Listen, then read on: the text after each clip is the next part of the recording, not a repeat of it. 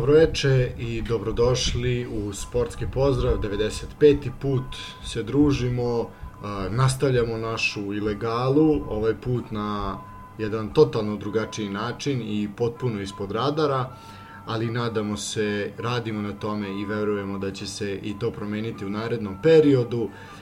Do tada, do nekih novih adresa i lokacija, dobroveče sa moje strane i dobroveče Nikola, dobrodošao. Bolje se našao Stanislave i dobroveče svim slušalcima.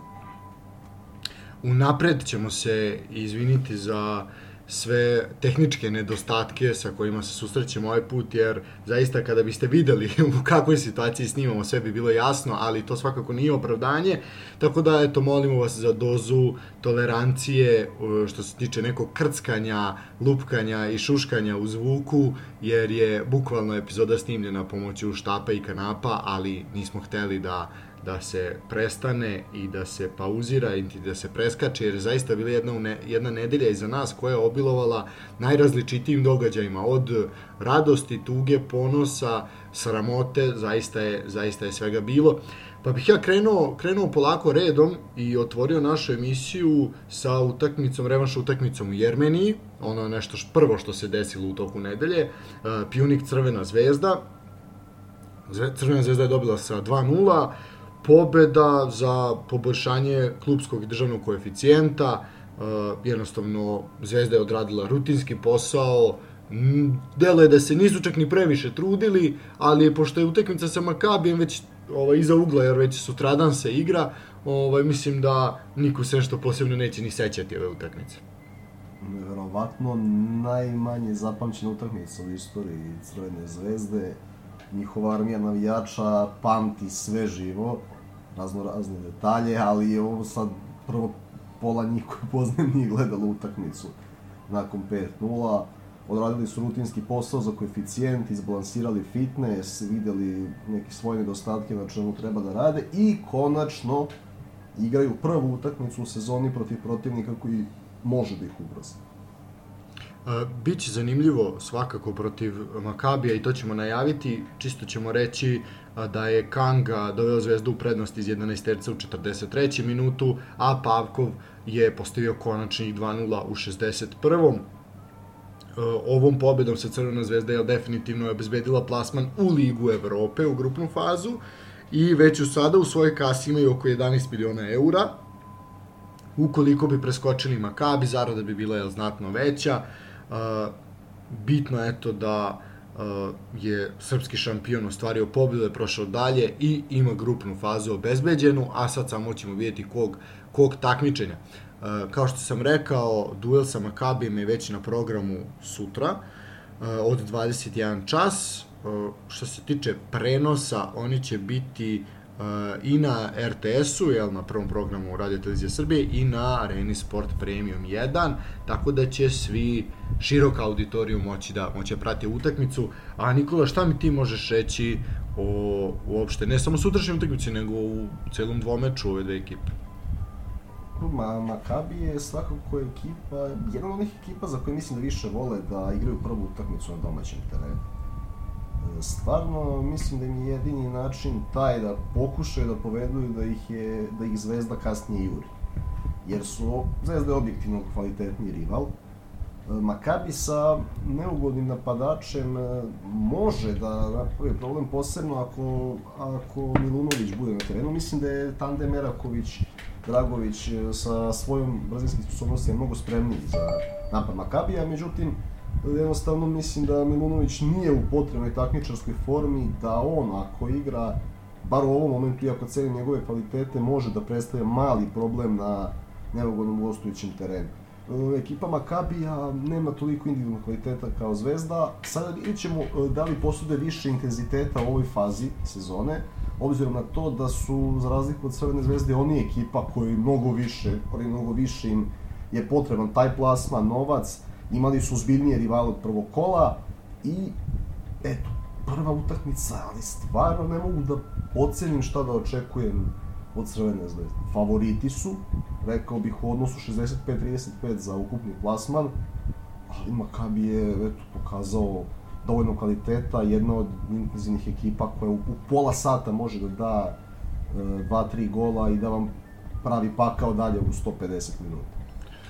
Vidjet ćemo svakako najozbiljniji protivnik u dosadašnjem putu, evropskom putu Crvene zvezde. Uh, ja verujem da će se svakako tu odlučivati odlučivati utakmici u Beogradu, da će ona biti presudna, ali naravno svaki svaka prednost koja se donese donese iz Izraela će biti će biti ključna i može biti ključna.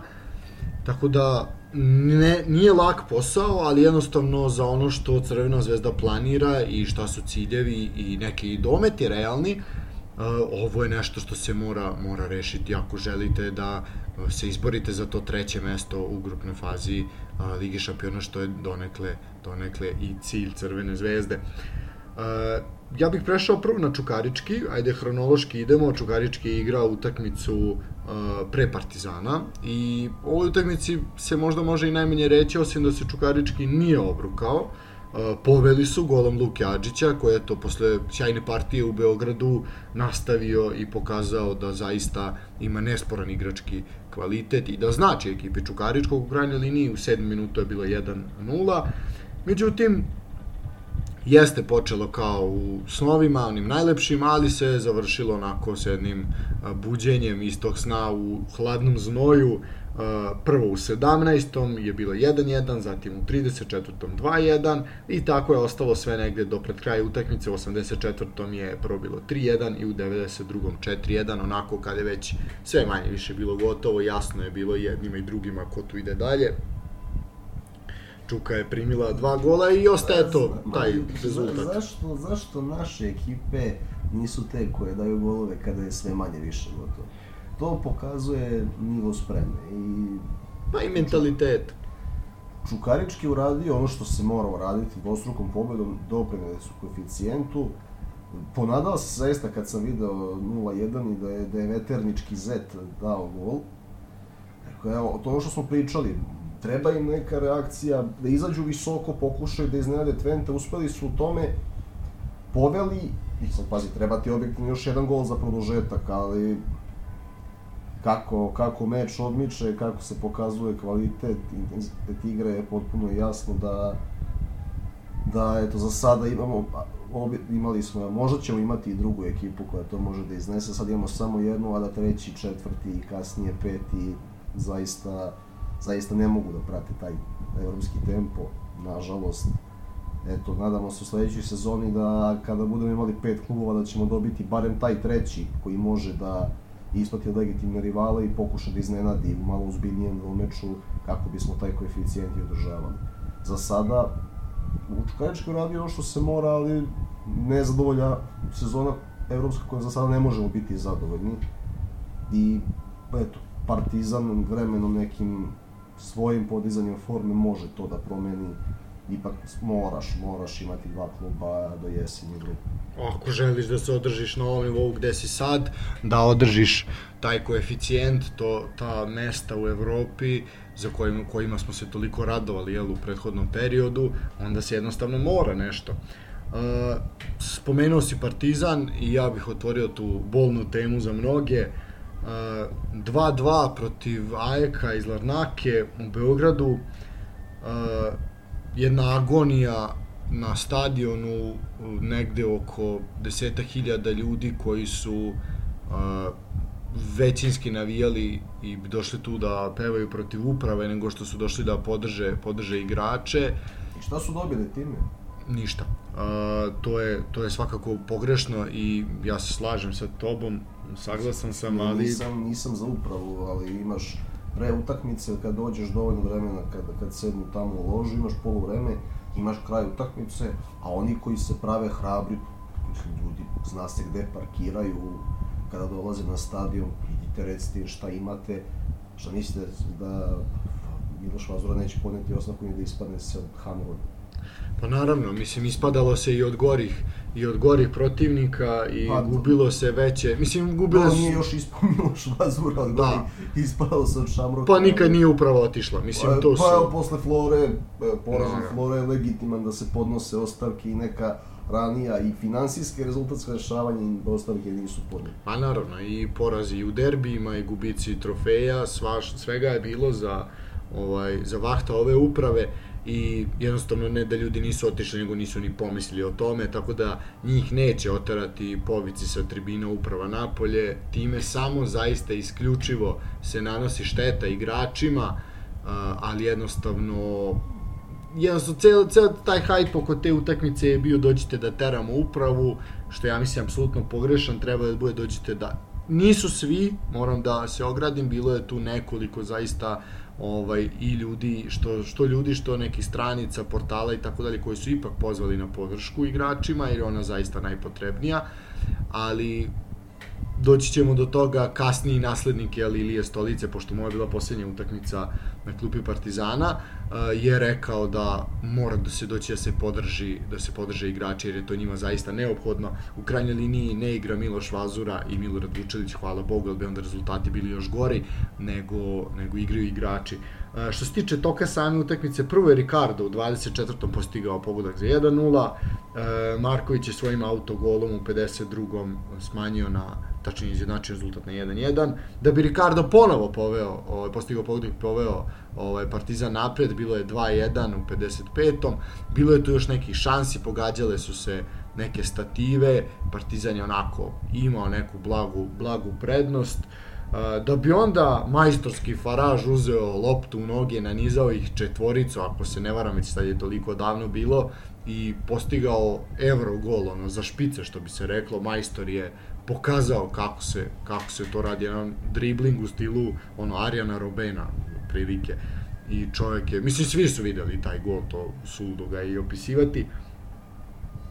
I onda je, onda je još bilo tako da je Partizan na kraju još mogao da primi gol još jedan, ali eto, ostalo je 2-2, bilo je tu nekih šansi, nedovoljno, bez energije, a, jednostavno Partizan po meni nije zaslužio prolazak dalje. I momenti kada ga je zaslužio su bili jako, jako, jako tanki i redki da bi se to tražili ti neki razlozi zbog čega je Partizan treba, pardon, trebao da, da prođe dalje. Uh, jasno je bilo da onog momenta kad Ilija Stolica uđe u, tunel da je on bivši i tako je i bilo. Ovaj, odmah, je, odmah je usledila ostavka ili otkaz, kako god sve jedno, on više nije trener Partizana. I onda dolazimo do najsramotnijeg dela večeri, a to je i ono što je naš poster jel, za ovu nedelju, a to je definitivno to pravdanje i šikaniranje, pravdanje igrača pred navijačima, a šikaniranje u kontrasmeru i teranje da se peva protiv uprave, mislim, zaista ono, ne, neshvatljivo, ali to ne treba puno ni komentarisati. Uh, jednostavno navijači su besni, što je razumljivo, ali da li su igrači prava adresa za iskaljivanje? Naravno da ne. Bilo je onda tu na nasilno gel skidanja dresova, posle su rekli da nisu ni terali nikog da skidaju dresove, nego su oni to skinuli sami, tako da to je sad sve, sve neki jedan ružni, ružni folklor koji neće se nažalost tako brzo zaboraviti, nego će ostati, ostati ovaj upamćen, nažalost ali mora Partizan jako brzo da se okrene uh, daljim, daljim obavezama. Dolazi Hamron Spartans, ekipa sa Malte, izbacila Velež, izbacila Levski.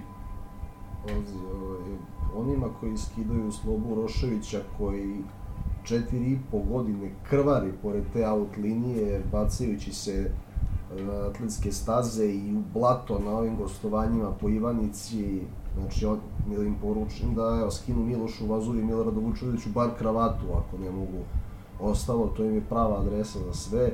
Momke neka ostave na miru. Mm, nije čak tu, ne možeš da kažeš da nije bilo želje i energije, bilo je u skladu sa aktualnom fizičkom spremom. A onda moramo da postavimo pitanje o medicinskom timu, E, nije fizička sprema bila zadovoljavajuća ni ranije pod Mišom Filipovićem, međutim dobili smo gospodina Božića, čoveka sa univerziteta koji dolazi zajedno s Ilijom Stolicom. Ja sam očekivao da vidim napredak po tom pitanju, a da problemi koji uvek ima budu tehničko-taktičke prirode. Meni je to najveće razočaranje.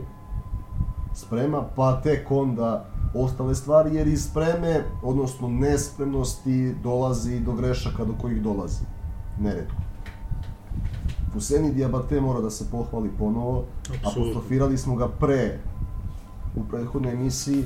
Umeđu vremenu on je zabeležen dve asistencije na ovoj utakmici, još jednu asistenciju u nedelju. E, vidi se, on recimo raste sa nivom spreme zato što nije prošao pripreme sa ekipom. I sad on, znači sa, sprema se dečko sam po odvojenom programu i vidi, individualnom programu, izvinjavam se, i vidite da ona dolazi iz meča u meč da je bio spreman za 30, za 60, 75, evo sada tek je počeo da popušta u Novom Sadu negde oko 85. minuta, znači još i opet tako umoran uspeo da asistira, znači malo mu fali, šta ćemo sa ostalima?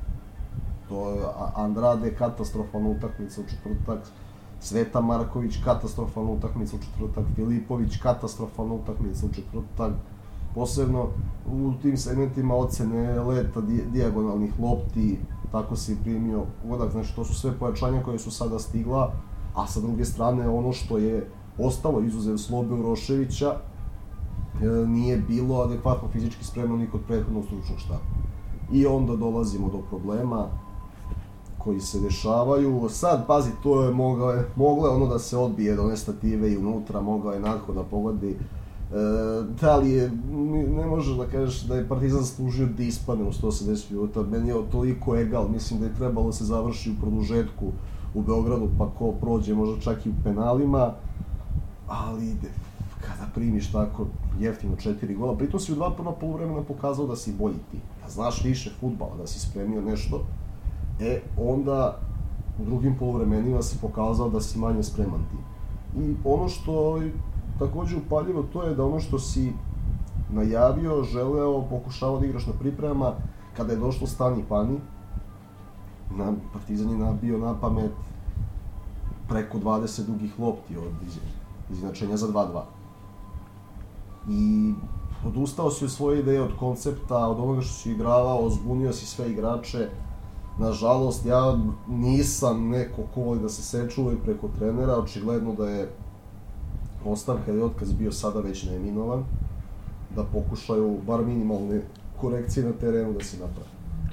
Jednostavno pritisak je pritisak javnosti i uopšte pritisak svega je bio bio preveliki i moralo se, moralo se slomiti i sad znaš kao, ok, sad smo izbacili tu bes, na, iskalili smo bes na stolici, iskalili smo bes na igračima, kako ko, jel, u različitim kategorijama ljudi pričam, i ok, pro, završila se noć, nije bila prospavana, jel, svi smo razmišljali šta... Samo jedna stvar, to što si rekao, polici uprava napolje, kada smo uspeli da postižemo gol, Tako je. Znači, kada smo uspeli, ne, šta se desilo? Na par sekundi se ipak zaboravi no, dobar deo, proslavi se taj gol.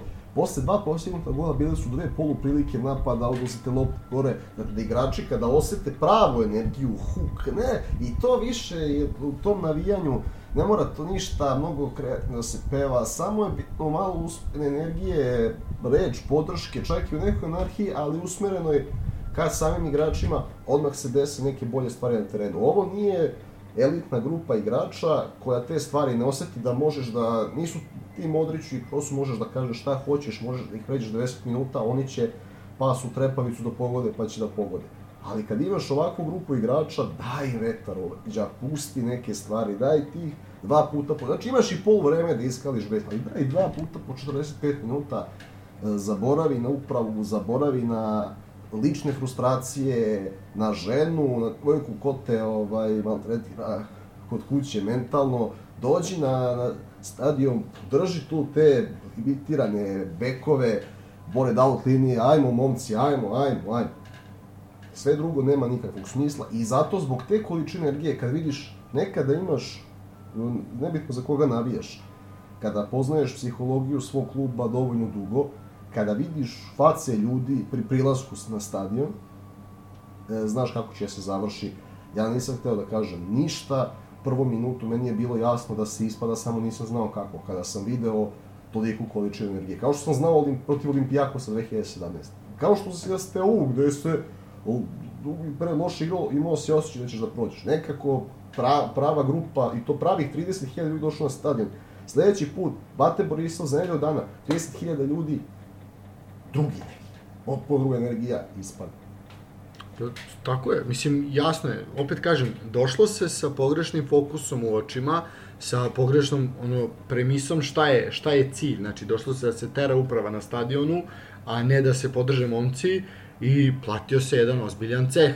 A, da li je Partizanu, ovakvom Partizanu mesto u Ligi Evrope, pitanje je, ovaj, koliko bi tu moglo da se nosi. U Ligi konferencija može da se nosi čak i ovakav, ja mislim da je ovako, ovako trenutno u situaciji u kojoj se ekipa Partizana nalazi Liga konferencije realan rezultat.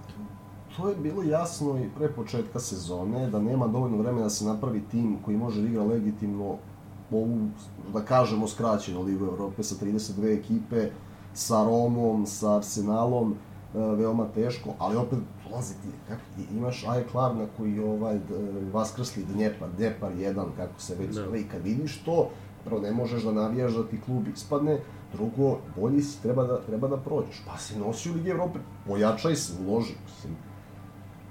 A sad ovako, trenutno Liga konferencija jeste mera, protivnik u play-offu je zaista po meri, ne bih komentarisao, mora da se, da se prođe imaju imaju još eto dve nedelje da reaguju kadrovski, da reaguju sistemski da vide gde su tamo kad je to znači negde oko 7. septembra čini mi se da je prvo kolo grupne faze, a o ispadanju Hamruna nećemo i da razmišljamo.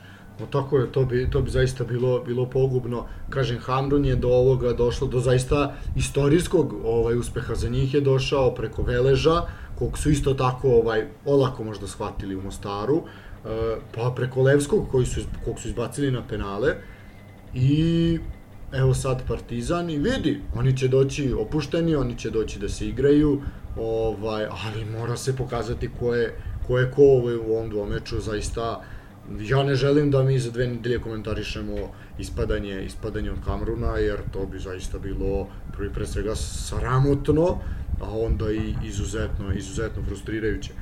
Ne, sad se dešava, e, jedno, vidim komentare po mrežama, ma daj da ispadnemo i ovo, da ode Razor ovo kako, kako Neće čovjek da otići, bre. Ne, ali kako možeš svom klubu da želiš da se blamira?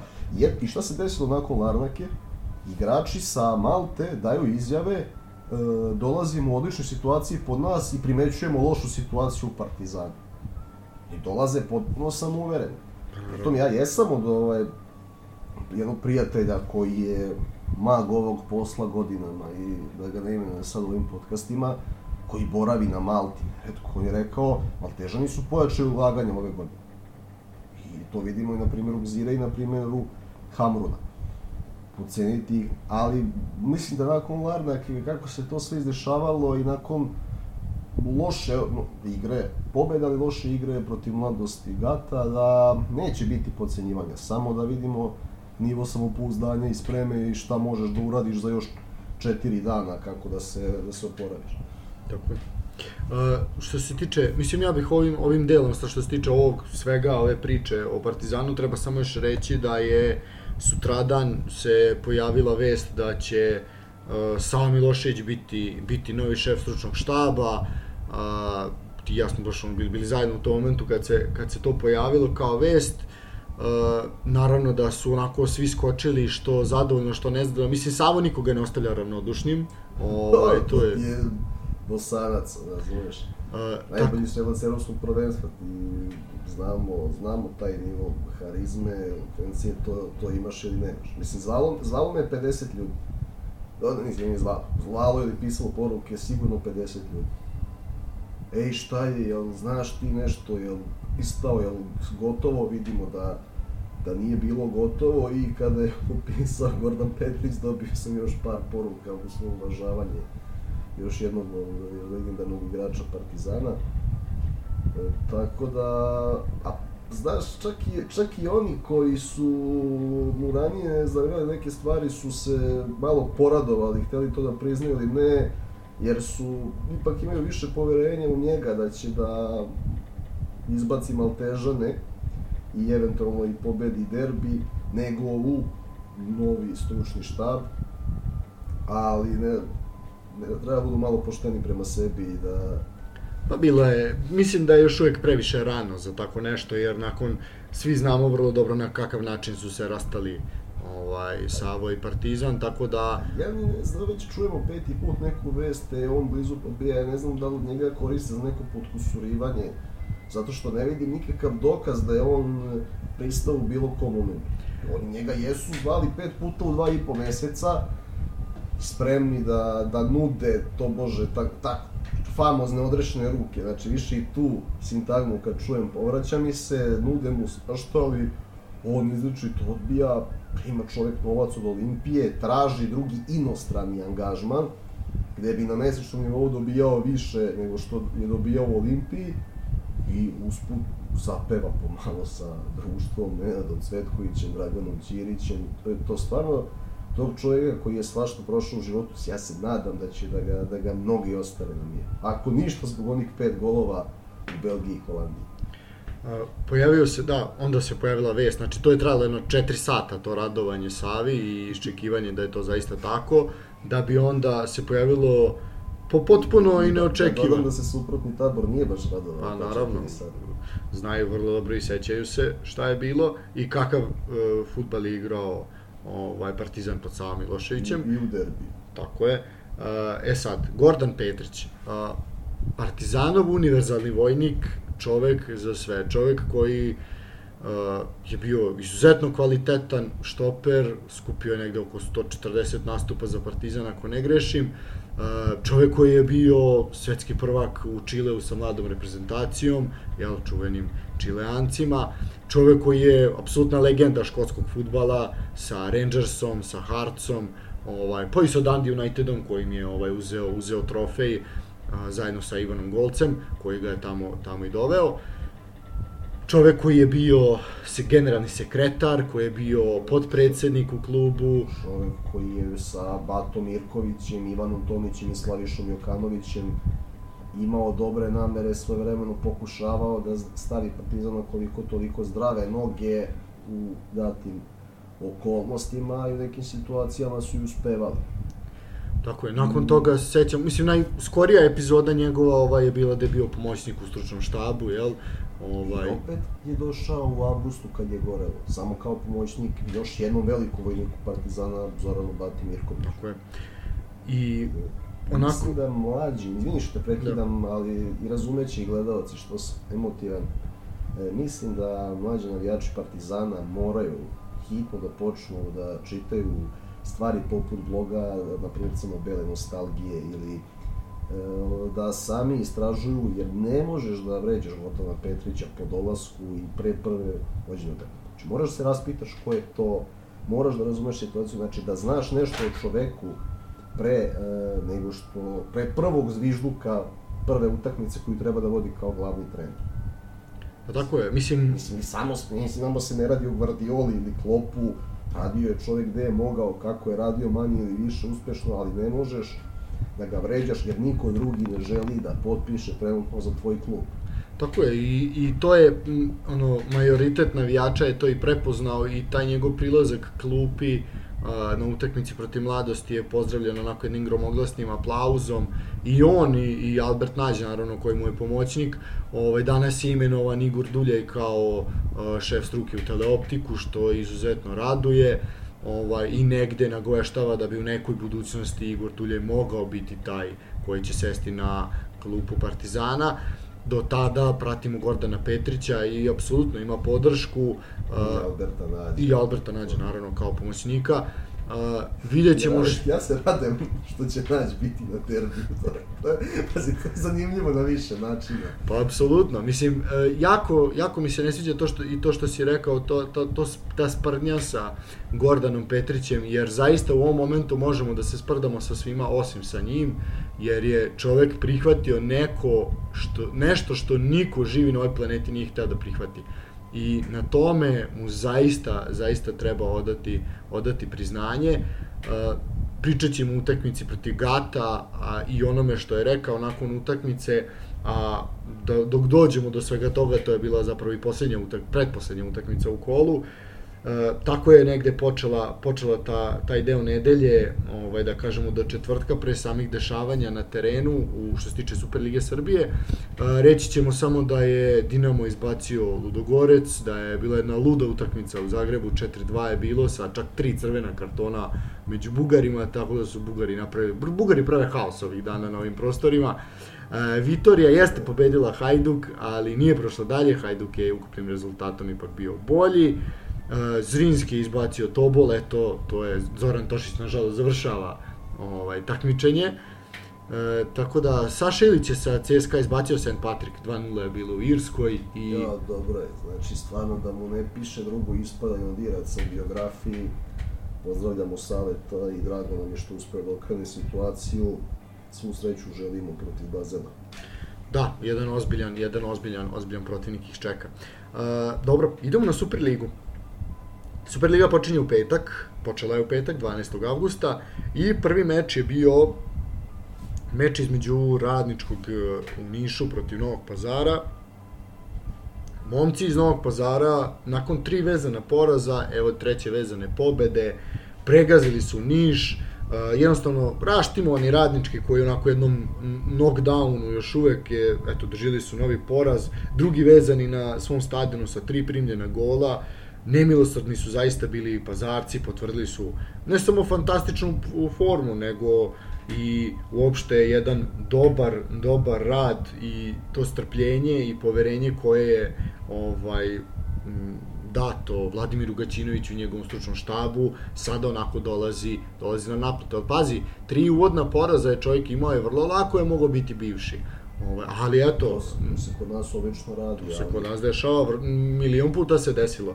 Čak što više, zaista je ovaj čudno da je ostao na, na klupi, ali eto, ipak neko, mi smo pričali o njemu jel, u prošloj emisiji malo više, jel, kao i o Tomislavu Siviću, i rekli smo i najavili da bi porazom u ovom meču Tomislav Sivić mogao biti bivši, i Tomislav Sivić jeste bivši, tako da smo to pogodili. Uh, ne, ne može Anton Tolordava sam da igra odbranu, stvarno od 11 igrača mnogo, mnogo pro, defanzivnih propusta, jer ne možemo reći da radnički od početka ove sezone prikazuje dosadan futbal i da. bez rešenja u završnoj trećini, ali stvarno, sad ne znam situaciju iznutra, šta se dešava, bilo je jasno da je ovo ili ili utakmica, da je ovo morao da pobedi. Da Novi Pazar generalno malo taj pocenjivački faktor koji e, neke jače ekipe imaju prema njima, oni kontinuirano služe za smene različitih trenera godinama unazad. Tako je. E, sam, e, kad izgubiš od pazara, onda si, ili si smen, ili ti je to uvod u smenu.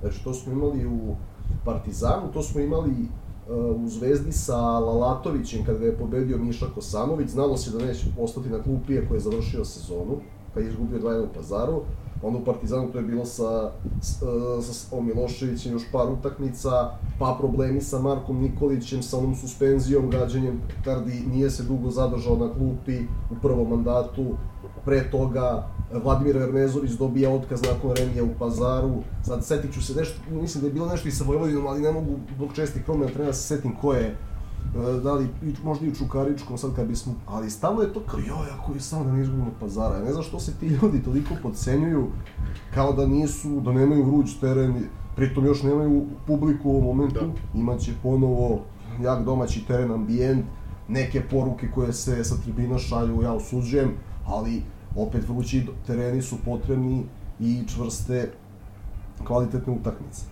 Vladimir Gaćinović je stvarno dokazao da je voljan da radi sa igračima u Srbiji, evo sada oporavlja Luku Ratkovića, jednog interesantnog špica, timskog i orijentizanog špica kakav je Andrija Majdevac, koje su neki propusti u mlađih kategorijama omogućili malo veće karijere. Evo sad ga gledamo na superligaškoj sceni, odlična utakmica protiv Partizana, izbacuje se Nišu Seničane iz igre, ponovo dobra utakmica u Nišu. Postigo je pogodak. Pogodak, čestitamo mu, želimo dobre partije, na, ne, meni su na njega skrenuli pažnju mladi treneri i analitičari. Još kada u prvoj ligi Srbije bile, bio je neki vid saradnje, pitali su me ljudi da ne, iz kog kluba, da sad ne govorim za nekog špica, jeftinog, kaže, evo ti Andrija Majdevac. Eto, vidimo da Andrija Majdevac može da igra superligaški futbal i da je golo. Uh, što se tiče utakmice, uh, 15. gol koji primaju Nišlije i najlošija odbrana, odbrana u ligi. Uh, jedino što zaista jedina svetla tačka u ovom momentu u Nišu je Nikola Štulić momak koji je to postigao je taj neki utešni pogodak na kraju u 92. minutu. Nikčević je bio strelac u 45. zatim, zatim pomenuti Majdivac u 56. Rubežić u 77. A eto Štulić je samo, da kažemo, malo, malo ublažio ovaj poraz. Uh, što se tiče pazara, Nije zaista bilo ni panike, ni nervoze, situacija svakako da posle tri poraza nije bila prijatna, raspored im nije išao na ruku, prvo su bili porazi od Voždovca, Čukaričkog, Javora, ali i u svim tim utakmicama koje je Pazar izgubio, mi nigde ne možemo reći da su oni bili potpuno potučeni. To su sve bile izuzetno egal utakmice. Protiv Voždovca je Pazar imao uh, dve ili tri ozbiljne šanse koliko je imao i Voždovac, ali Voždovac jednu loptu ubacio u mrežu. Znači tu je mala razlika. U, u protiv Čukaričkog ste imali raspoloženog Ivanovića koji je ove, bio u naletu u tom momentu i čovek je jednostavno, jednostavno pogađao ali te kako je Pazar imao šanse da uzme čak i sva tri boda. Uh, Javor neću komentarisati, Javor je apsolutno iznenađenje ove sezone, najprijatnije iznenađenje, ali i tu se nešto desilo što je vredno pomena, o njima ćemo pričati kad dođemo do njih. Uh, eto, može se reći da sreća nije bila naklonjena pazarcima, ali strpljivim i marljivim radom su došli do toga da vežu tri pobede. U, između ostalog jedna i protiv Partizana, jel? Uh, tako da, Ono što je meni, meni na primjer, za napomenuti je da Kljajić brani najbolje u svojoj karijeri u, u pazaru trenutno. Zato što nemaju reflektor. Da, da, nema šta da mu ode, da mu smeta. Ovaj, mislim, čak i Pešukis na desnom beku i Jović na levom su bili borbeni, hrabri momci koji nema lakog prolaska. Koji jesu veoma čestiti momci koji možda nisu imali mesta u klubovima su bili, ali zaslužuju isto tako superligaški futbal i pokazuju da mogu da ga igraju. Barem na nivou play-outa dovoljno legitimno da, da opstanu, da, da, opstanu da ne gube baš svaku utakmicu. Tako je. Mislim, čak treba i Lončara pohvaliti, koji zaista i na priprema na Zlatiboru je videlo da će biti kapiten i vođa ove ekipe. Ali pohvalio ceo tim da se da. zaista trude da ne rade ono što ne znaju i da vode se bazičnim principom, idemo na svaku loptu Znači, svaku loptu, svaki duel idemo maksimalno, ne mogu da nas ponize, ne mogu da nas nadjačaju svi, da uzimamo čiste lopte, da igramo direktno, ne radimo ono što ne znamo, jo, malo, ovamo tri gola, dva malo po malo, bodovi dolaze. Mislim, što se tiče te neke standardne postave, zato sam i krenuo, ovaj, tu je Mić koji je zaista fantastičan u ofanzivnom delu, videli smo šta je čovjek uradio Partizanu, imamo Nikčevića koji je to bio je zaista maestralan na ovoj utakmici i po meni možda i najbolji, najbolji pojedinac na utakmici u Nišu. Imali smo Danoskog koji je čovjek onako jedan brzonogi makedonac koji zaista, zaista pravi haos i protiv Voždovca ima nekoliko ozbiljnih šansi gde je mogo da postigne mm, pogodak. Veoma, veoma interesantan kada Tako, ima... Doneo pobedu protiv TSC. Tako je. Tako je, da. I najistoreniji, ali Majdevac kao špic, zaista dečku koji deluje onako kao jedan rođeni, rođeni pobednik. I Luka Ratković, ovaj, naš momak iz Novog Sada koji se oporavlja, tra, tražio je sebe u nekoliko klubova, eto, eto mu idealne prilike da bez pretiranog pritiska oporavi karijeru. Gaćinović je apostrofirao njega, baš da ga, da ga čeka kako bi rezultati počeli da dolaze. Počeli su i bez njega, sa njim se nastavljaju i eto, Da, e sad jedino, kažem, opet je, naj, to pričamo svaki put, opet je najžalije što su tribine prazne i što će publika biti tek negde u oktobru, prava je šteta, ali kad se vrate, bit će, bit će pakleno. E, More, ali moraju da povedu računa o pojedinim stvarima. Naravno, to je jer... jer mimo toga kada bi izbacili te stvari, mogli bi da imaju 7 futbolski ambijent, da žive za da grad živi za pa grad živi za klub, samo što su incidenti na preučestali tome se radi. Niko, niko nima nije druge stvari sporio. Ali da grad živi i da ta zajednica živi za taj klub, to je apsolutno, apsolutno tako. Mislim, ako jedan klub ima, mislim da je, ako gledamo sad na nivou, na nivou države, da je to uh, možda pa najveća lokalna zajednica koja daje apsolutnu podršku uh, svom klubu, znaš, u svim ostalim gradovima ti imaš da kažemo podeljeno, ma, ne podeljeno, nego obično klub iz tog grada bude na poslednjem mestu, jel? Ovaj, budu, budu večiti, pa onda, pa onda taj klub, ali u Novom pazaru nije tako i treba nam, mislim, to je taj engleski, engleski stil, ovaj, i treba nam tako nešto i onda... Lokalne zajednice određene stvari mogu da prepišu i da ono što ne valja na samim tribinama uvode kod sebe. Tako je. E sad, što se tiče radničkog, znači naravno da je Sivić odmah, o, Sivić je podne ostavku, jednostavno dalje, dalje nije išlo.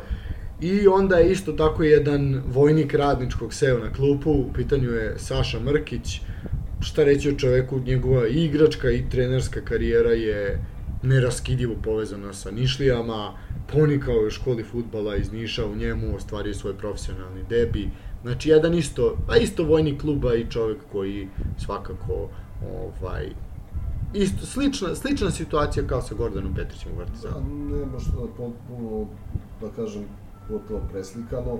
Radnički ću u narednom periodu sigurno, znaš, uvek kada se prima mnogo golova, novi trener koji dolazi kaže, e, držimo nulu, držimo nulu, ajmo polako. Tako da verujem da će se raditi na defanzivi, na tome da se ne prima tri gola po utakmici, što je zaista previše, posebno za ekipu koja pretenduje na top 5 to, eto, očekujem čvršći radnički i na osnovu toga da iz te defanzive počnu da dolaze do određenih rezultata i krenu ka željenom top 5. A, idemo dalje, sledeća utakmica je u Kruševcu između Napretka i TSC-a. to je zapravo jedina utakmica bez golova, 0-0 je bilo. A, bod koji definitivno više odgovara ekipi iz Kruševca nego, nego Žarku Lazetiću i njegovoj, njegovim momcima.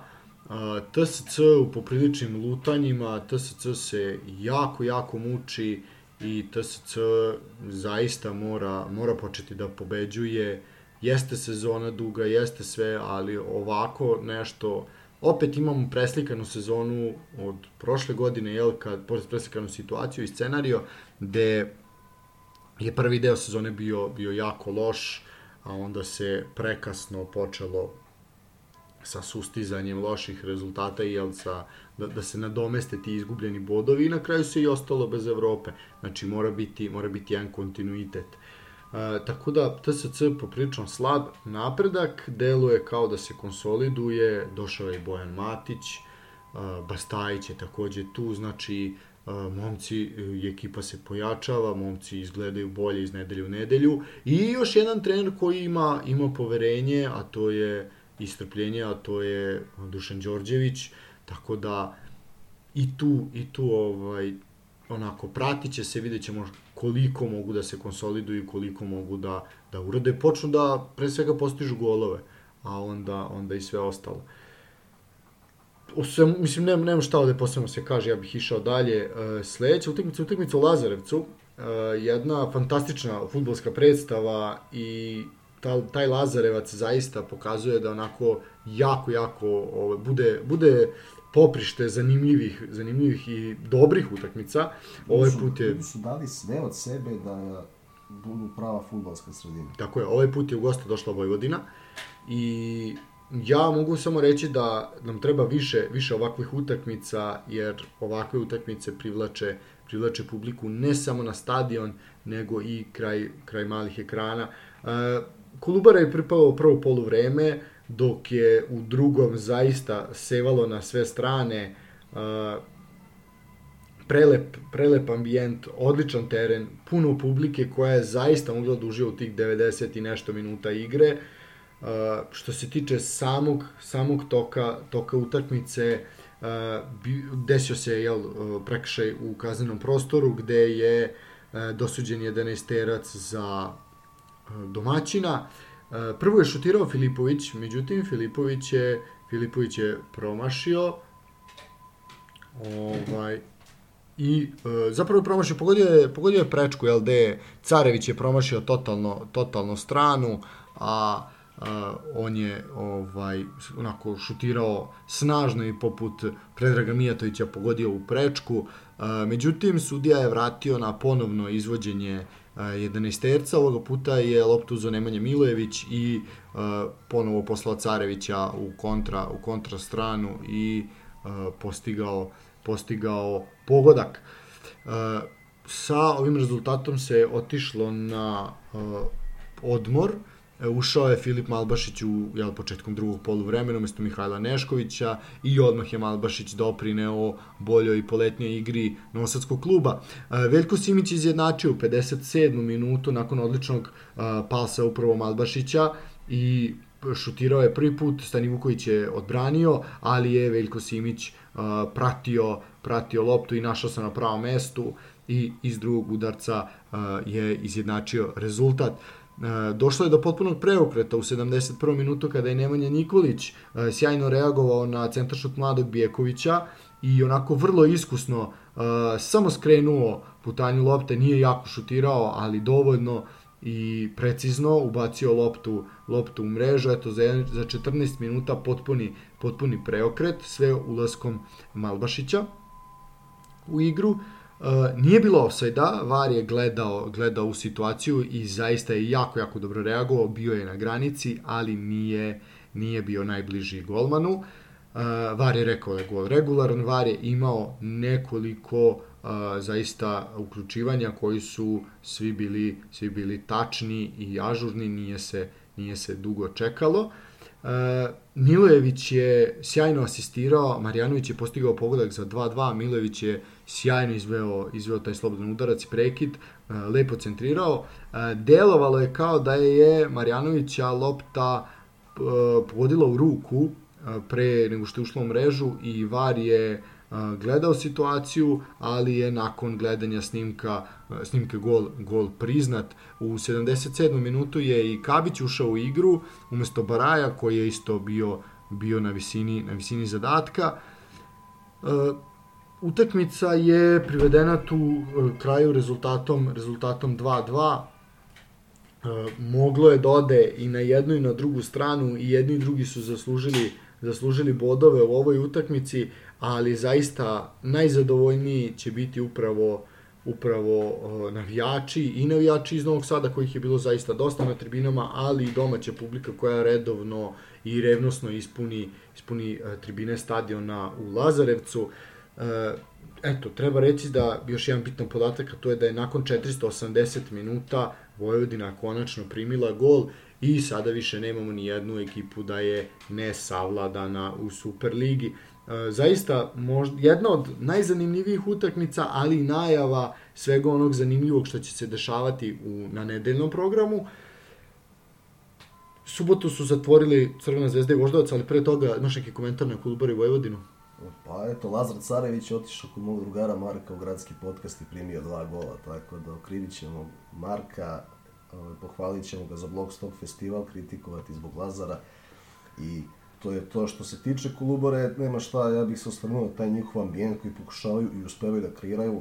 Kada se dese u našoj ligi, dva, znači u dva vikenda, ti imaš na domaćem terenu 3-2 pa 2-2, to je ono što ljudi ovde žele, jer im nedostaju golovi, intenzitet, dinamika. Sad... Pritom su obe utakmice, izvini, pritom su obe utakmice bile ekstremno zanimljive za gledanje, znači to je bilo preštalo na sve strane. Ovo samo oni iz grešaka pa se nesretno desio gol, ne, ovo, da pričamo o futbalu, treba pohvaliti gospodina Đurđevića zbog svega što radi sa ovom ekipom, upravu kluba. Ja, ja ih od sad zovem domaćini, nekako, kad kažem domaćini, nek se misli na Kolubaru. I, evo, Ante Vukušić, Da, Dočekao si ga. Doček... Sad samo da čekamo gol, ali... Pa dobro, nije ovo prvi nastup, imao nije, je, imao je debi u prvom golu. Oporavio sad, Oporavio se, sad čekamo, čekamo pogodak. Uh, moram, pri, uh, ono što sam svakako najavio, meni su se malo ljudi smejali, a to je učinak Damira Sadikovića, ovaj, koji je, eto, ovaj put bio u startnoj postavi i zaista je ozbiljno doprineo na sredini terena. Čeka se i Haris Kadrić, koji može mnogo toga da pokaže.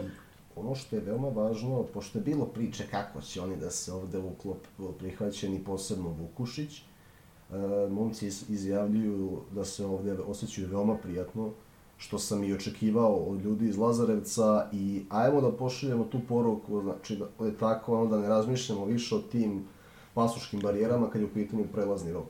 Tako je. Znači, dečko, mislim, ne samo što je dao izjavu i privatno znam da se osjeća ovde fenomenalno, eto, želimo mu da ostane, pokaže kvalitet koji je pokazivao u evropskom futbalu i da doprinese kvalitetu naše ligi. Tako je, Da, a, a zaista to može sa svojim iskustvom.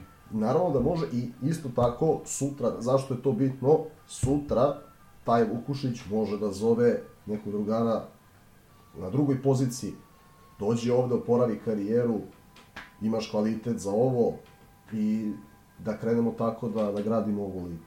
Apsolutno, apsolutno se slažem i to je, to je negde i deo uh, onoga zašto, zašto se ja negde uporan bio s tim Vukušićem, jer zaista je to je nešto što je to je nešto što je potrebno potrebno našoj ligi, a potrebno je i zbog još jedne stvari između ostaloga to je da se u regionu uh, počne malo fokus davati i našoj našoj ligi jer zaista je on jako slab osim Zvezde i Partizana, ali sad tamo negde, znaš, neko, neko u Dalmaciji i u Hrvatskoj, pa prati šta se dešava u toj kolubari, znaš, jer Ante Vukušić je ozbiljna legenda u Splitu. Tako da, uh, znaš, malo, malo nek bude, nek bude to, ovaj, nek se priča, nek se malo prati i to može samo, samo doneti dobre, dobre stvari. Uh, naravno i čekamo taj gol konačno. Uh, Pa obećali. Pa da, treba, bit će. E, zanimljivo je, na primjer, što e, ja bih negde voleo da vidim, a voleo bih da vidim Vukušića i Kadrića zajedno na terenu. Da Kolubara proba sa dva napadača. Uh, vidjet ćemo da li će se to desiti. Ovo, na ovoj utakmici je bilo tačno 10 minuta su bili zajedno i onda je Kadrić napustio, napustio teren. Uh, mislim da njih dvojica zajedno u paru je mnogo ozbiljnija priča nego kad je samo jedan u špicu, pogotovo što ni Vukušić ni Kadrić nisu takvi igrači da mogu da se nose sami, sami u špicu. Uh, Ne bih ništa dodao, osim da čekamo zadovoljavajući nivo spreme i onda na Dejanu Đurđeviću je da bude na slatkim mukama. Tako je. Uh, idemo na Crvenu zvezdu i Voždovac, posljednja utakmica u subotu. Šta reći, već u desetom minutu je bilo 2-0 i bilo je samo pitanje sa koliko, ovaj, koliko puta će Krunić vaditi loptu iz mreže. Uh, I eto, zanimljivo je, Pešić je u trećem minutu postigao pogodak, uh, Bukari u osmom, i bukvalno je tu onda stalo sa golovima do 84. minuta i do pogotka Bena. Nakon toga Ivanić u 88. postigao konačni 4-0. Uh, Voždovac nema šta, u, u tom momentu bez trenera došli su da što bezbolnije to odrade, nadali su se potajno nekom čudu da ih možda ekipa Crvene zvezde podceni, to se, to se svakako nije, nije desilo, uh, ali moram istaknuti učinak Mirka Ivanića, postigao je gol, podelio tri asistencije, ima osam asistencija na pet odigranih utakmica, ne znam ko drži rekord po broju asistencija u jednoj sezoni u ligi, ali to možemo provjeriti za neke naredne, neka naredne druženja, ali zaista Ivanić ako ovako nastavi, taj neki rekord će definitivno oboriti. E, tako da eto, zaista je u fantastičnoj, fantastičnoj formi. E, šta još možemo reći o... Ono kao što to ne znam iz glave jeste koliko čak ni bazična, a kamoli napredna statistika u našoj ligi nije zastupljena. To je recimo jedna od stvari na kojima se nadam da ću uspeti da poradim sa nekim ljudima u narednim godinama. I ja uz određene angažmane koje ću nadam se biti da poradimo na tome da naš futbal, ok, znači znam, ne igraju Liverpool i Manchester City, to znamo sve, ali hajde da najprofesionalnije moguće odradimo te stvari, da bude zastupljeno, da bude jednostavno ti vidiš golovi, asistencije, ključna dodavanja, uspešni centar šuteri, procenti, to su stvari koje mogu da se odrade. I, ne, ali da ne budu samo na određenim platformama koje nisu svima dostupne. Da. Hajde da ih učinimo dostupnim i preciznim i tačnim. Znači, čak i na tim platformama se desi greška da Kolubara ima 70% poseda protiv zvezde. Znaš, to je Da, stvari koje se od, radaju... to je tehnička, tehnička greška, ali ima i tu na platformama tih nekih, da kažemo, kreativnih shvatanja osvojenih duela i tako, bude, bude svega. A, E sad, Specifično je raditi analizu vode, brojkama. Stvarno moraš da potkrepiš to dobro eye testom, da, da se udubiš, da vidiš da li je to zaista tako. Ali eto, to je ono što to je ono što ću, eto, sa kim god budem razgovarao, ljudi koji imaju određenu želju, uticaj, ambiciju, da se udružimo svi, da naš futbal učinimo kvalitetnijim i na taj način. Jer čak i uz kvalitetniju igru, vremenom e, potreban ti marketing, potreban ti statistika, aplikacije, sve što ide danas uz futbal kako bi ti tom gledalcu, znači prvo da dođe na stadion i kada dođe pod utiskom dobre igre, recimo kao u Lazarevcu, evo posljednja dva kola, kada se vrati kući da ima šta da pogleda, pročita koju zanimljivost, ali da mu je lako dostupno. Znači, živimo u takvom vremenu da mora sve da bude dostupno klik i shodno tome treba kreirati takav sadržaj.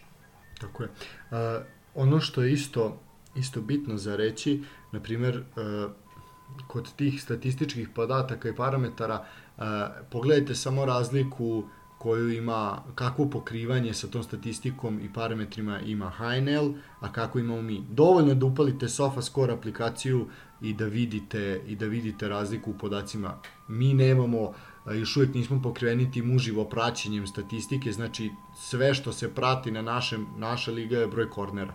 Znači, što je jako, jako žalostno. To samo pokazuje gde se nalazimo u očima, u očima ljudi koji se bave, koji se bave tim poslom. Sad si dao referat, počela je ova sezona, sad imamo skoro godinu dana, znači sad, evo, obećavam slušalcima koliko god da ih ima, da ću pokušati preko određenih poznanstava da dođe do nekih ljudi, da vidimo, čekaj, kako, ajde da vidimo, da bar na sofa skoru budemo zastupljeni kako treba. Šta je potrebno da se uradi? Potrebno je do, uh, mislim, objasniti kako funkcioniš, a znaš ti vrlo dobro, ovaj, ali ajde kažemo ljudima, potrebno je da budemo interesantni, da bi uh, kompanije i firme koje se bave prikupljanjem tih osnovnih statističkih podataka bile zainteresovane da prošire svoj posao na, na naše tržište. Znači, to je jednostavno tako, tako funkcioniše. Postoji nekoliko, da kažem, po znacima nada, kompanija koji se bave tim poslom i od kojih SofaScore pa i druge aplikacije koje prate preuzimaju, preuzimaju obra, obrađene podatke.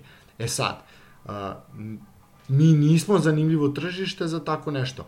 Uh, Hrvatska ima tu prednost da je sedište Sofascora u Hrvatskoj. Znači, to je isto, isto dosta zanimljivo. Ali nije bilo do skoro, znači, to je jer jednostavno uh, velike kompanije koje se bave prikupljanjem podataka uh, jednostavno nisu zainteresovani, jer liga nije praćena, liga nije gledana, razumeš? Zašto bi on sad uh, uposlio ljude koji bi sedeli i brojali uh, tačno dodanje Damira Sadikovića ovaj, u, u Kolubari na meču protiv mladosti iz Lučana, razumeš?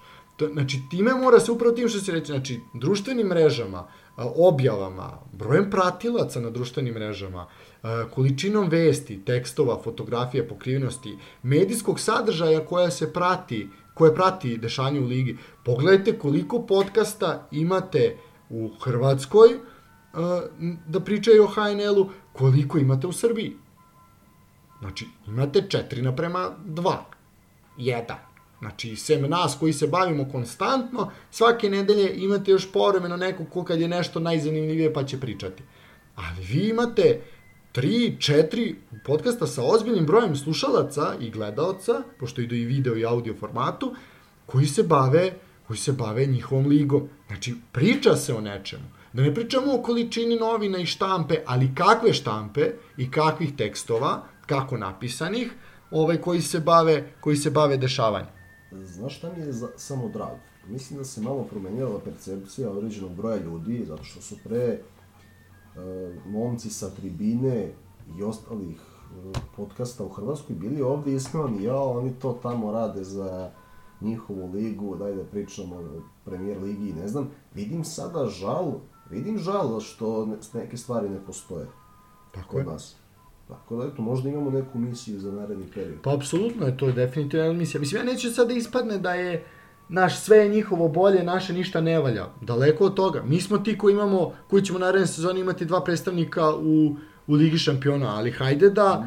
I, pazi, ne znači ako napravimo mi ovde da možda mi nećemo biti bolji vremen. Naravno. Tim stvarima. Naravno. Ne, prvo mora da postoji da bi bilo bolje. Znači, Tako je, znači, da ajde, da, ajde, da, ajde da pokrenemo, pokrenemo nešto. Znači, potrebno je privući privući ljude, i, ali mora im se prvi pre svega je problem što se kod nas ne prezentuje sadržaj na pravilan način, nego se ide na taj senzacionalizam, na ono što je najgore, najružnije se izlači, znači, bukvalno uh, podstrekivanje na izlačenje toga što je loše. To je taj primer uh, primer, uh, dođite da navijamo protiv uprave, a ne za klub. Znači, ajde da se istaknu utakmice o kojima ćemo sad pričati. Znači, to su Kolubara Vojvodina, Spartak Javor, Mladost Radnik. To su bile fantastične, to su lepotice kola, ali bukvalno.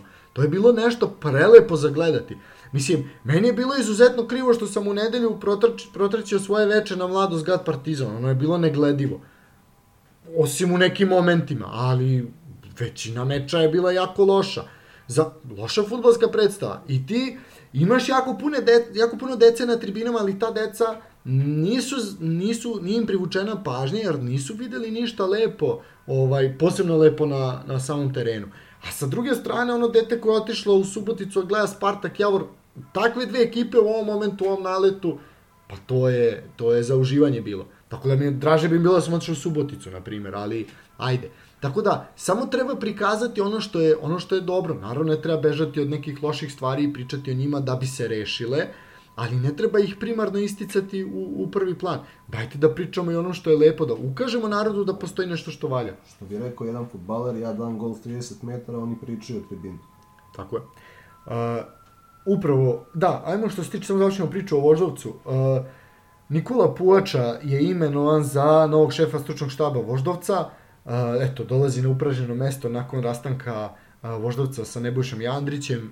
Ti ja smo licitirali u prošlom kolu ko bi to, ko bi to mogao biti, ko bi ovaj, mogao biti naslednik Jandrića. Eto, Puoča ima 40 godina, karijeru je započeo u mlađim selekcijama Crvene zvezde, potom je kao šef struke radio u Smedere, u Ofka Beogradu, radničkom iz Pirota i u Bačkoj iz Bačke Palanke šta, šta reći. Eto ima jedan zanimljiv podatak, to je da je Trajković koji je vodio, pomoćni trener, jel, koji je zapravo je trener golmana, ovaj, tako, ako ne grešim, da, ovaj, koji je vodio ekipu protiv Zvezde, se je upisao da je po godinama najmlađi trener koji je vodio Voždovac u nekoj, u nekoj uh, utakmici, tako da eto, njemu ovom prilikom čestitamo. Uh, on je, da kažemo, odradio taj, taj posao do dolaska novog šefa struke. Uh, A, vidjet ćemo šta može, šta može Nikola Puvača. E, Jedno je njima i nepoznanica, postoje da poželimo sreću, da. da nastavi ono što je Voždovac započeo pre nekoliko godina, da pokušavaju i dalje, samo naravno kvalitetnije kroz igru, da dolaze do gola, da se nadigravaju, nadmeću, da na gostovanje izlaze visoko, spremno da ugroze bilo kog rivala, oduzim bodove s njima, Eto, to je ono što želimo svakome, pa i njemu, svako novo ime je dobrodošlo sa novim idejama. Tako je. I da vidimo da se, eto, baš upravo to što si rekao, novo ime sa novim idejama i samo želja, želja i naša pažnja će biti tu svakako da, da to bude, da bude onako kako treba, jer zaista bih voleo videti voždovac u tih, u tih prvi pet koji će, koji će voditi u Evropu. Uh, Uh, idemo na gradski stadion u Subotici, bodove su tamo podelili Spartak i Javor. Uh, Spartak koji fantastično igra na domaćem terenu, a ja sam i dalje ubeđen da je to zbog lika i dela Slavka Petrovića koji kad se pojavi ovaj i u svom izdanju prepoznatljivom i stavi štopericu oko vrata, to je to. Ovaj ljudi se ljudi se jednostavno skamene. Izvini, sad sam se razmišljao sam na koga me podseća i sad sam se setio da me podsjeća na Henka iz serije Breaking Bad. pa dobro, mislim, Slavko Petrović može ovako da podsjeti na mnoge kreature ove filmske industrije. Ovaj... Ne, neka mešavina Henka i Dragana Markovića, pa. da. Da. ovaj, samo mnogo, mnogo, ovaj, ipak mnogo prijatnija, ovaj, Dobro, da, nego Dragan Marković Palma. Ne, ne, ne, prije, ovako, van terena, naravno, prije, ali, pazi, kad se pojavi Slavkan u onom trenerskom boksu, aj ti pobedi, znaš. Pa, no, vidi, znaš ti kakav to utisak ostavlja kad vidiš ćelavog čoveka bez vrata sa ramenima, razumeš, dva metra u ramenima, to pa, vidi. Pazi, čak i nije, će, kad nije ćela, vidi, vidi pod Aleksandar Džikić iz mog perioda 2016. Pa, da, čovek došao, preuzeo raspad tim, pobedio Čovića dva puta, Cedevitu koji igra top 6, pa samo na to. Ne. Pa dobro, mislim, ko prati, ko prati ovaj karijeru Slavka Petrovića zna da je on jedan strog ali pravičan trener, ovaj, to je svakako i nešto što je trebalo ekipi, ekipi Spartak, očigledno Spartak jako dobro igra na svom terenu, uh, ponovo su ostali ne samo neporaženi, nego su imali, imali tu prednost, ali ipak je Javor pokazao da je najprijatnije iznenađenje ove sezone. Uh, Javor igra fantastično, uh, lepo, atraktivno, brzo, Bonđulić je onako, bilo je dosta skepse kad je Bonđulić seo na klupu, jer je bilo ono kao, ok, jeste legenda kluba, ali šta on može na ovoj poziciji? I ne da može, nego je zaista... Skepse zbog kratkog mandata u radniku, ali opet vidimo da nešto sa radnikom, direktorom Gašića, sa ovakvom službom ne funkcioniše sa određenim ljudima, a sa Duletom Đorđevićem su lepo sarađivali i posle, eto, sa gospodin Linta nije zadržao se kratko, pre toga kratko Bonđulić, Recimo, meni je čudno da, da duže držiš Slavoljube Đorđevića nego Bonđulića i Lintu. Ali očigledno s nekim klikneš, s nekim ne klikneš. Tako da je Bonđulić se vratio kući, preuzeo Javor. Ovo fantastično izgleda. Ne znam koga pre da pohvalim, šta da dodam, individualno, kolektivno. Momci svaka čast. Vama je mesto u Super Ligi godinama i znali smo da će kao Fulan da se, da se vrate i kad ispadnu, tako da nas nisu razočarali naprotiv, želimo od ovakvih futbolskih predstava. Tako je. E, samo ću pročitati strelce. Prvo je Nikola Srećković koji je zaista preuzeo tu lidersku, lidersku ulogu nakon odlaska Tufekđića i Nikolića zaista, zaista ovaj, pokazuje da je pravi predvodnik ovog tima Spartaka. U 14. minutu je doveo Spartak do prednosti.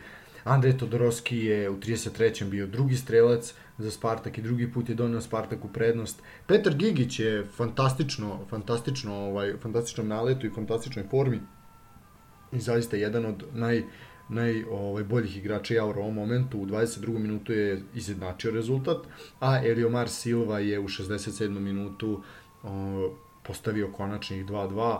Eliomar je jedan od onih e, stranaca u Javoru koji zaista dugo, dugo se tamo zadržavaju i pružaju solidne solidne partije u rangu legendi kao što su Ađuru, Odita i, i slični tu je ili Omar. Obzirom na godine, on je tu 10, mislim sa preko 10 godina, on je, on je došao iz Javora u Partizan Javor, u januara 2013. Da, a već je tu bio u Javoru. A već je bio u Javoru, tako da ove, on, on je prepoznao određene vizije, zadržao se u Srbiji i ove, zaista postao, postao legenda naše lige što se tiče Gigić i meni to nije nikako iznenađenje.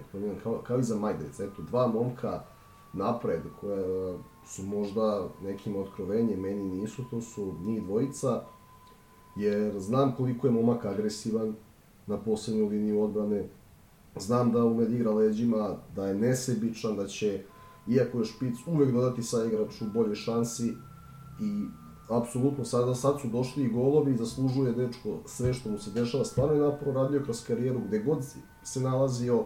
To sad što neko ne može mu svi biti nivo za Partizan i Zvezdu, ne znači da nema kvalitet i da sebe ne može da pronađe u nekoj sredini.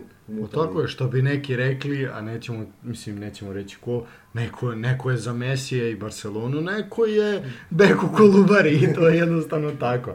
Ne možemo svi dobaciti. Ne, do... možemo svi, ali Eto, da, zato što, ne, zato što je dečko bio ka, kada dođeš od dva najveća kluba i onda ako, ako nisi to, postaješ predmet neslanih šala, a daješ, daješ od sebe, pritom i on je tada primao jednu najmanjih plata u Partizanu, sigurno došlo je da se proba na poziciji na koje je falilo igrača u tom momentu, zato što je imao te interesantne karakteristike agresije, znači presinga i igre leđima dobro, dobre orijentacije po primjenju lopti, za nivo Partizana nije prošlo i onda je tu bilo sad, kad god nešto ne valja, ja i samo da, evo ga, ovaj je Novi Givić. To su stvari koje nisu u redu na društvenim mrežama i ovako u konverzacijama, te stvari e, sve, i dobar i loš glas daleko čuju i igrači to čuju. To utiče na sve te ljude koji su profesionalci, zarađuju svoj hleb i nema potrebe za ti vidom kritike. Zato mi je drago, eto, što koliko je prošlo tada tri godine, de, da, leto 19. kada je došao u Partizan, pa se mučio, tražio sebe,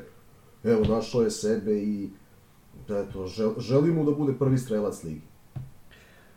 E sad, i desio se jedan, jedan incident na klupi gostiju, kada je Luka Luković uh, prilikom napuštanja igre i izlaska sa terena nešto je dobacio Bonđuliću, ne znamo šta, ali reakcija šefa stručnog štaba zaista nije, ovakva nije smela da se se dogodi, znači bukvalno Igor Bonđulić je fizički nasrnuo na jednog od najboljih igrača svog tima i onako time zaista bacio jednu fleku na ovu celu, celu predstavu koja je zaista bila fantastična.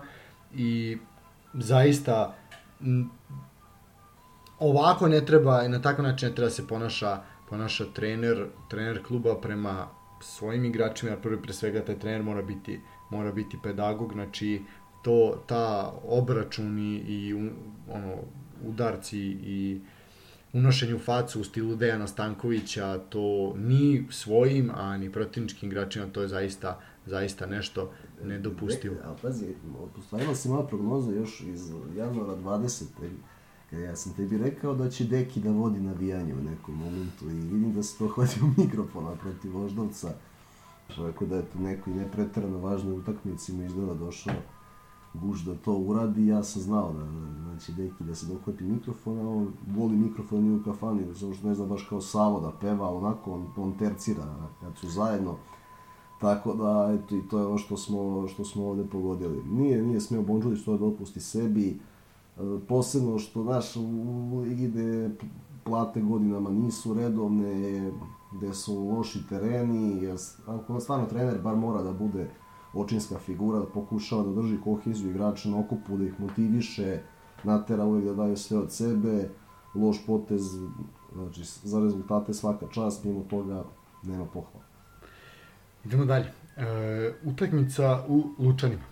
Mladost je dočekala radnike Surdulice e, i stigla do prve pobede u sezoni nakon preokreta gde je radnik vodio sa 1-0 u 26. minutu. Davor Nedeljković je bio strelac.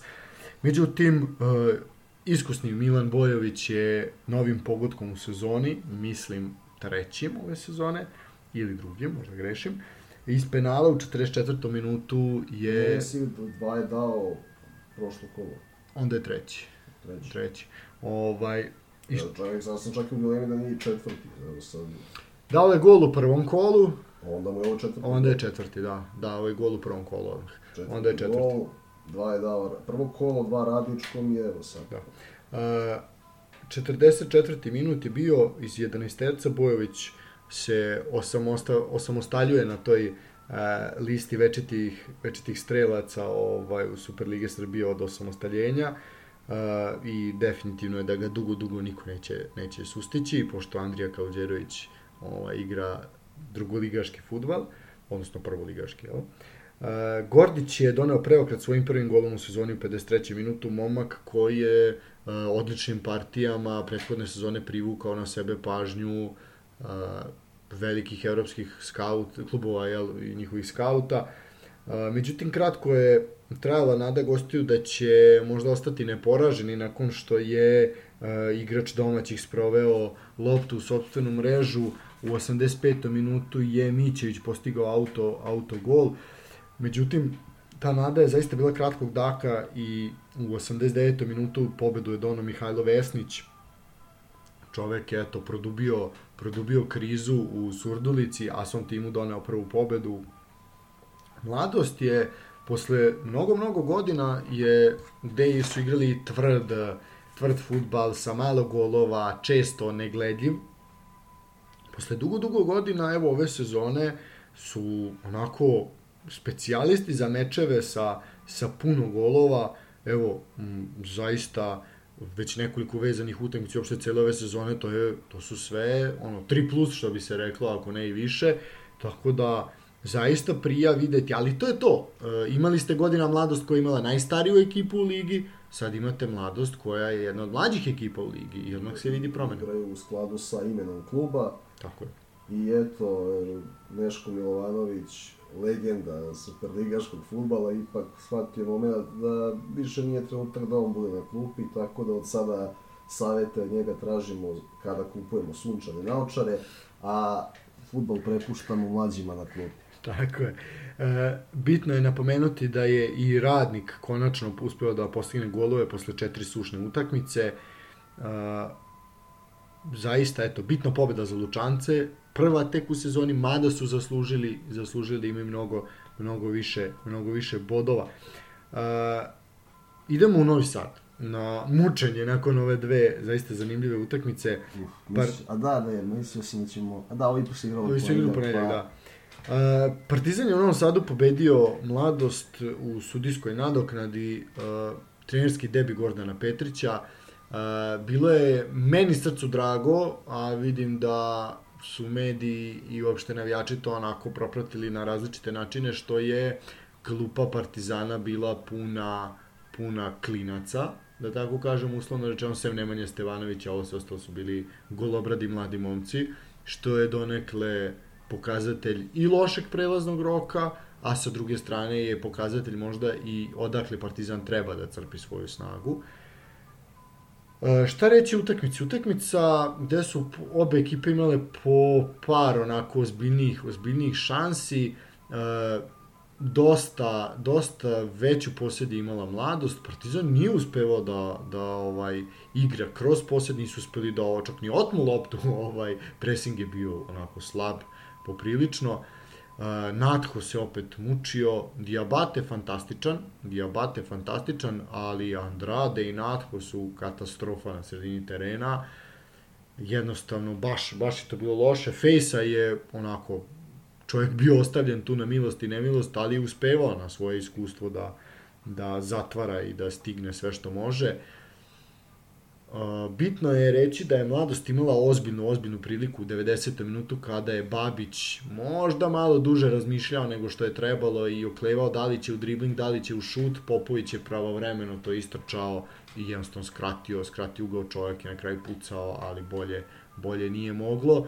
To je bio 90. minut i no, ako već su ljudi počeli masovno da izlaze sa stadiona, da bi u 95. minutu, eto, tako umorni Diabate, kao što si i sam rekao, lepo, lepo centrirao, a zaista spretno se, se snašao onako kako i treba i kako se od njega očekuje Svetozar Marković i sproveo loptu u mrežu mladosti negde kao najavu boljih dana za Partizan, ali i boljih njegovih igara, koje se svakako očekuju. Prva pobeda Gordana Petrića kao šefa stručnog štaba i drago mi je što je počelo ovako. E, izuzetno drago, obzirom na način na koji je e, dočekan u nekoj široj javnosti. Drago mi je ipak, što je važno, da je publika koja je došla na sam stadion, ipak e, dajemo prednost tim reakcijama, da je lepo dočekan, On sad, čekaj, sada je to baš, ovaj, vidjet ćemo četvrtak i reakcije sigurno, znaš, prvo ćemo vidjeti kakav će poziv biti što se tiče utakmice, da li isti kao protiv Arnake. Ja se nadam da je to nije greška koja će se praviti. Drugo, Gordon Petrić i Albert Nađ kada izađu iz tog tunela zaslužuju samo aplauze. Apsolutno. Kao i ostatak tima. E, ono što je, meni je više ok, videlo se znači da šta je čovjek mogao da uradi za dan, nije mogao ništa da uradi, nego ajmo ovako, e, bilo je anarhije, stihije, jednostavno kada krenu dva, dva igrača u pressing, vezni red ne isprati razvučene linije, primetili smo to, odigralo se kako se odigralo, ali čovjek bar, bar im je dao jednu zaista poštenu izjavu. Prvo je Absolutno. rekao, Apsolutno, da. Da uopšte nisu služili da pobede. Tako je. Drugo, rekao je, apostrofirao je publiku da se usmeri podrška igračima da to nije tako iz vremena kako on igrao, da ti mladi momci zaslužuju podršku. O, sad, ja ne znam ne, nivo futbalskog znanja, menadžmenta, znam da će čovjek sigurno dati sve od sebe kada je u pitanju Partizan. I ne volim, ne samo u Partizanu, nego u svim klubovima, te neke ljude koji su tu kad je teško, kada niko neće, jer svi hoće da budu treneri kad je obezbeđen budžet, atmosfera, logistika, e, PR, marketing, e, čanja, mlad igrači, scouting služba, stručni, svi hoće da budu treneri. I za to ne volim, ne volim, što se tiče Partizan, ne, nema potrebe da se ostrave ljudi na Petrića, ranije na Batu Mirkovića koji je došao u teškom momentu, na Savu Milošića koji je došao u još težem momentu, ne, i da ne nabrajam... Pa i Žarka Lazetića i tako, mislim. Da. Lazetić nije još ne, došao u teškom momentu, on je bio u stručnom štabu, pa... Pa je pre, nastavio, da. Ivana Tomića, tako ranije... Je, Ivana Tomića ne treba zaboraviti. Nikada. Miodraga Ješića. Ja ne dam na te ljude da se dira, ne, ne, ne ovde ne pričamo o, o futbolskom zanimljivu rezultatima, kraj kraj, pa volio bih neki ljubimci publike, treneri i u futbalu, i u košarci drugim sportovima i drugim klubima da uzmu da treniraju timove u tom stanju. Tako je. Treba, treba ovaj, pokazati hrabrost, e, preuzeti rizik, doći, trenirati klub u teškom trenutku. Ova pobeda je leđa psihološki, to se videlo po reakciji. Znači, slavilo se, bila je ista reakcija ekipe kao Nomad u Nišu kada je Leonardo dao gol za, Tako za titul. A to se samo pokazuje koliko su zapravo ti igrači bili pod pritiskom i koliko je i sad i njima pao kamen sa srca da je to, mislim, poklopilo se sve onako kako treba, kako treba da se Da. desi. Da Jer- izvinu slušaoci, morat ću ovako, ali to radovanje je bilo u fazonu, evo vam pobeda, jebala vas pobeda. Pa ne bi ja baš tako rekao, mislim da je ipak A, više bilo ono da. kao konačno uspeli smo, jer Pa, malo, pritisak je bio prevelik. Malo i tako, jer nekad dođu krizni trenuci, ne može non stop da se pobeđuje, ali to ne znači da podrška treba da izostane. Jer ja ne vidim ko se u ovom timu nešto neprimereno ponaša da bi zaslužio saldo uvrede. Naravno, apsolutno. E, Moram, moram stvarno što se tiče Natha i Andrade, vidu posebno, Andrade je povećao procenat tačnog pasa, nije pravio tu vrstu grešaka, ali fali mu i dalje bolji nivo fizičke spreme i ono njegovo dinamična kretanja koje smo kraj malih ekrana dali u prošle godine Ligi konferencija protiv mnogo ozbiljnijih rivala. Natho, ponavljam, ne treba da počne utakmice, jer ovo više ne vodi nikuda i nije slučajno da se pobeda izborila kada su izašli s terena. Tako je. Što se tiče mlade klupe, Saničan je imao suspenziju, Filipović meni povrede, Lutovac. Lutovac, povrede, ne znam ko je trebao da bude na klupi u... Pa nimo ko, slučaju. nimo ko. Tako da, po, čestitam mladim momcima na, na pobedi, da li zasluženo ili ne, neka, ovaj, mis, e, meč je bio egal, ali eto, dali su, postigli su regularan gol, Diabate treća asistencija, treća asistencija je različitog tipa. Prva asistencija, lopta u prosto za špica po zemlji, pa druga asistencija, centaršut slabijom nogom nakon solo prodora, e, i sada centaršut jačom nogom, takozvana kifla, drugu stativu gde je Sveta Marković ponovo fenomenalno reagovao, što znamo njega iz prva dva mandata u Partizanu, da... I te kako znam. Do, tako da, eto, taj, ovaj gol će njemu značiti, jer bez dileme on je najbolji, najpismeniji štoper u klubu. To je pozicija na koju su pojačanja neophodna. Vujač i Sjeničanin su možda pošteni momci, ali imaju svoje limite. Sveta Marković je mnogo veći potencijal i od njega se očekuje da nosi odbranu. Potreban mu je još jedan, postoje neke najave.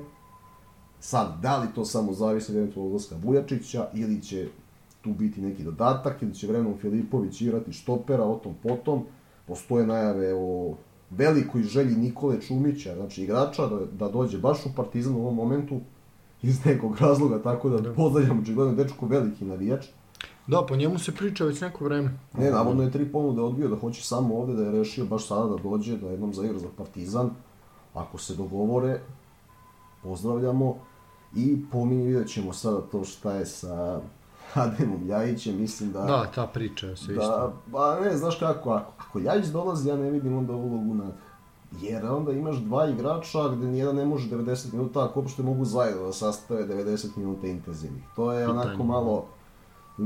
Adem Ljajić znamo šta zna, znamo šta može, šta je igrao u Ligi Petice, ali ako imaš Natha, logično je da dovodiš nekoga ko će da, da uzme tri ničije lopte u, na protivničkoj polovini odigra Ricardo ili krilima i da, da se brzo dolazi u šansu. Evi, ima sada drugi profil.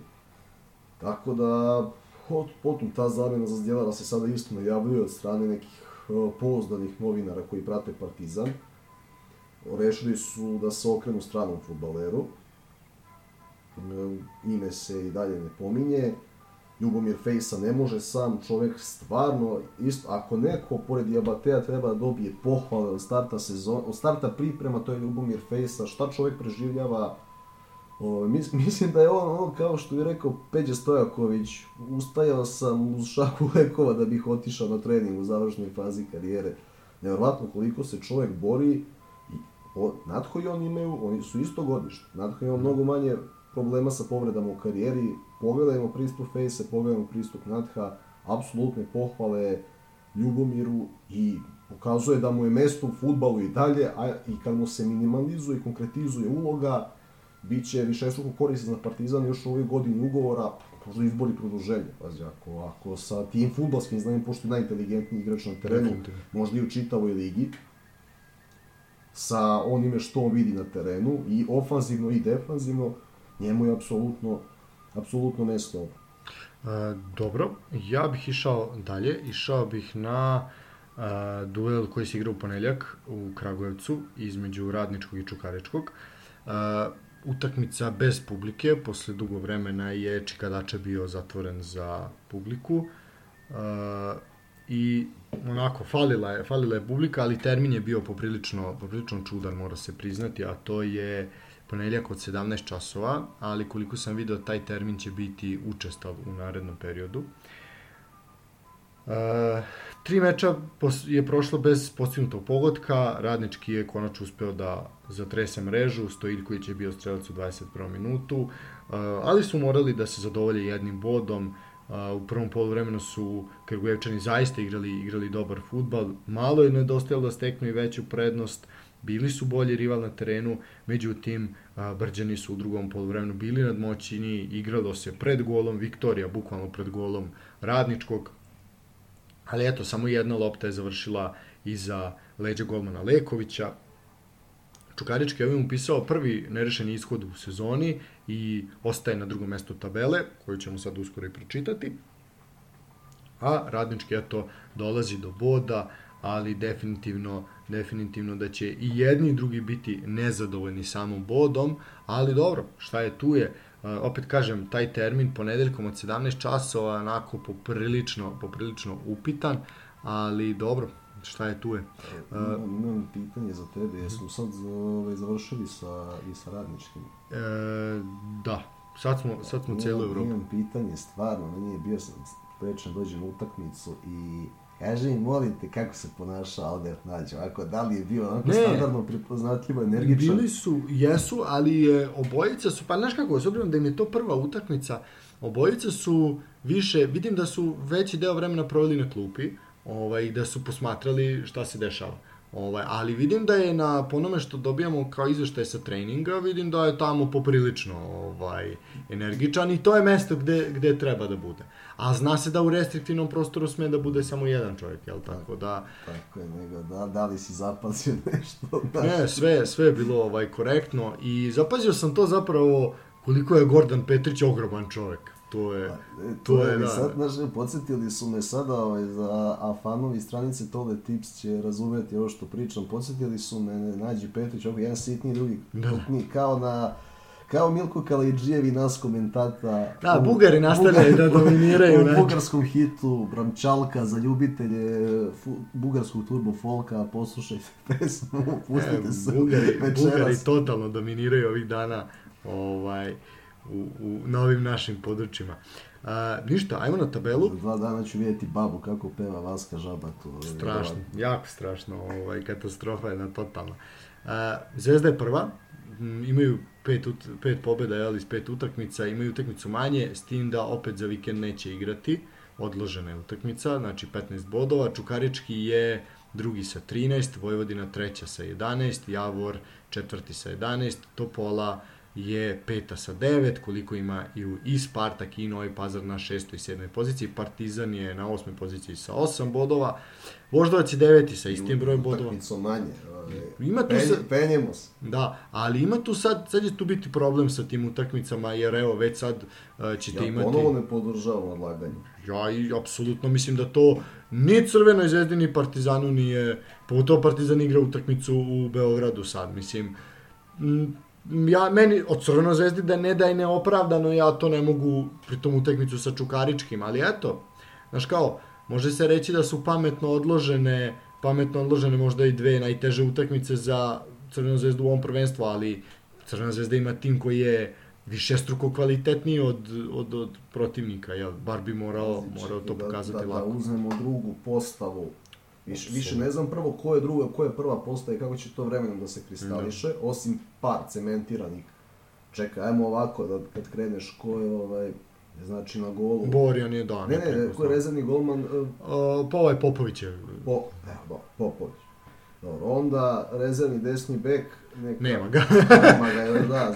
Zbog Nikola Stanković je recimo, da. Stavim malo Nikolu Stankovića. Da, može u našoj ligi da odigra. Da, da. Nikola Stanković, što on je, pa da, on je, bio je bočni vezni, voli dečko da se ponavlja, iako je centralni vezni, onako kao, kao James Miller kada kada ode iz, iza krila da centrira, tako recimo, evo, Nikola Stanković, Radovan Pankov, Nemanja Milunović, levo, evo, stiklo je pojačanje. Da, tu je ovaj...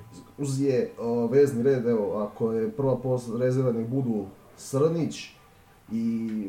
Ajde, pazi, sa mnogo sad nije počinjao utakmica. Nije, sad. da, okej, okay, jasno. Ne znam, ne, ali stavi sa Noga i Srnića, e, desno Ben, Tako je. Centralno Petar Stanić, levo Mitrović i u špicu Pa, ako je prvi Pešić, nego je drugi Pavkov ili Oh, ja više...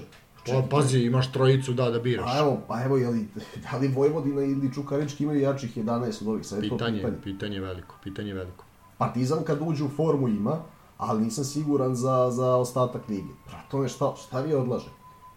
A isto, pazi, i to bih, ja, ovo, sad da ja nešto u Zvezdi, mnogo mi teže pada kad Partizan odlaže zbog tog emotivnog odnosa volio bih, uvek, uvek volimo da pođemo od sebe da, da moj klub ne odlaže utakmice, plaća redovno plate, da znači sve stvari koje treba da funkcionišu u skladu sa modernim futbalom i modernim poslovanjem, volim, volim da vidim kad moj klub radi, a trenutno ne radi.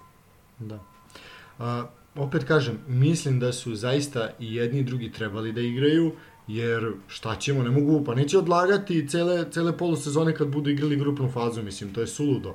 Ovaj, trebali su da ulaze, da ulaze u ritam, da, da igraju dve utakmice nedeljno. Mislim, za tako je projektovano, pa valjda, mislim, to su klubovi koji godinama igraju u Evropu i domaće takmiče, nije to sad ništa novo, nije to Čukarički koji će prvi put ući u grupnu fazu, pa sad kao treba mu, treba mu nek, da mu savjez izlazi u susret. Pritom utakmice su se redko odlagali onih godina kad smo mnogo teže dolazili do grupne faze. Nije se nikad, nisu se odlagali kolo za kolo. I mislim, ovo, ovo je sada, drugo, sad, šta će biti, bit će ponovo degradiranje kup takmičenja.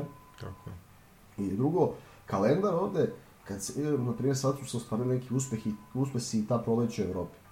Pa onda vidiš kalendar prolećni, prošlog proleća, koji uopšte tome nije prilagođen na adekvatan način, da niko ne razmišlja šta ako bude četvrt finaliste, a vidiš raspored utakmica u sredu.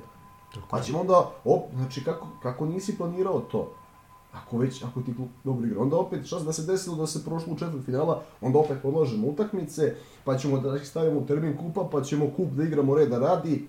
Nemoj ni jedno takmiče da degradiramo, mora Futbolski savez da se pozabavi kalendarom i da računa na kvalitet naših ekipa koje sada objektivno mogu i moraju da budu na proleću Evropi. I jedni i drugi.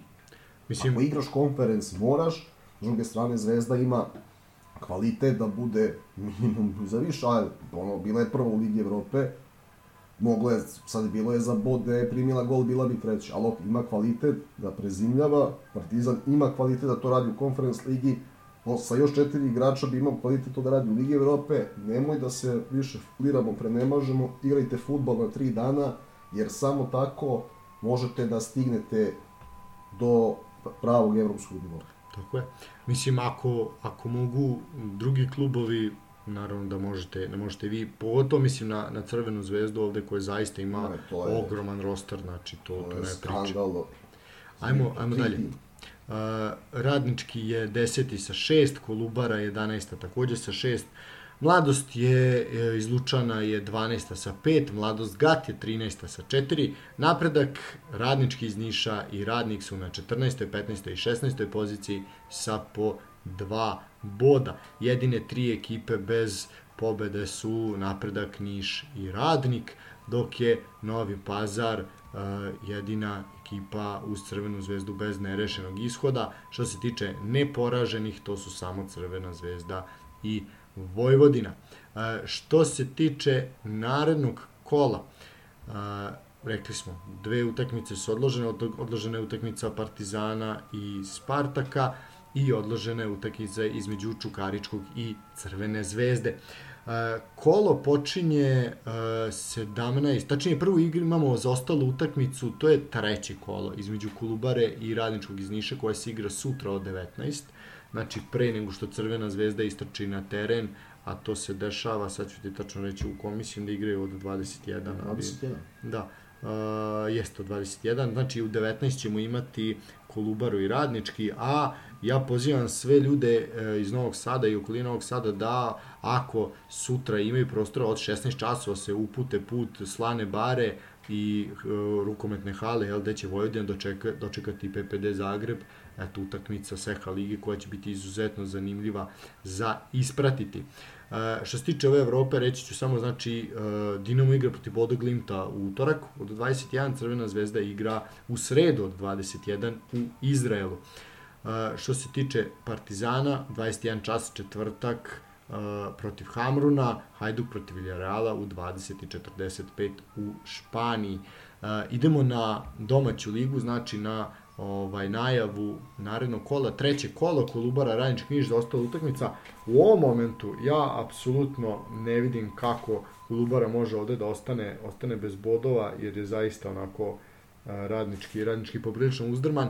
Neće biti možda pet golova, ali sam si rekao da će tu verovatno gledati samo da ne prime pogodak, ali mislim da je Kec X ovaj, realno, realan ishod. Pa evo, ja, ja ću reći poluvreme ili kraj malo drugačije. Dobro. E, dobro.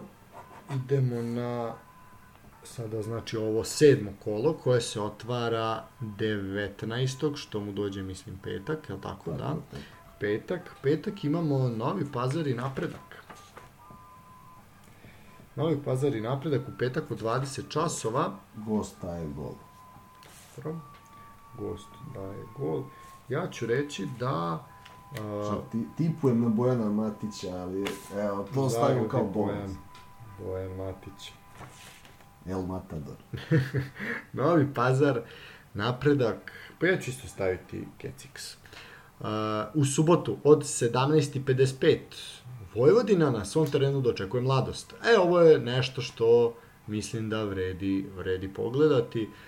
Biće poprilično zanimljiva utakmica, mladost igra jako lepo, Vojvodina takođe i eto za sve ljubitelje sporta u Novom Sadu i okolini i futbala dođite na Karadžođe u 17.55 u subotu. Šta ćemo ovde prognozirati? Kec. Ne verujem, igra Vojvodina dovoljno dobro sada da bi zabeležila dva vezana kiksa, tako da... Ja ću staviti 3+. Plus. Mislim da će ovde biti zaista golova. E, istog dana od 20 časova Javor će dočekati radnički iz Kragujevca. E, Javor u Ivanjici protiv radničkog. Ovde može biti može biti, ja sam neće biti čvrst duel, da će biti isto dosta gola, da će biti lepršavo. Ja kažem 3 plus. Dobro. Ja ću onda reći... Hmm. ja ću reći domaćin daje dva ili više. Uh, nedelja, 18 časova, uh, duel bratskih klubova, radnik u Surdulicu dočekuje radnički iz Niša. Uh, na su, Surduličkoj bombonjeri radnik će do, dočekati Nišlije. Nišlija, to druga utakmica u nekoliko dana. Neće biti lako, 18 e, časova. To će, to će da, to će da pukne lopta. To jedni i drugi su u krizi, niko nije spreman na leže rizike, tako da ja očekujem 0 do 2. 0 do 2. Ja ću reći pol vreme X. Uh, od 18 časova na TSC arenu u Bačkoj Topoli stiže Mladost Gat. Hm. Aha, ovde, ovde može biti svega.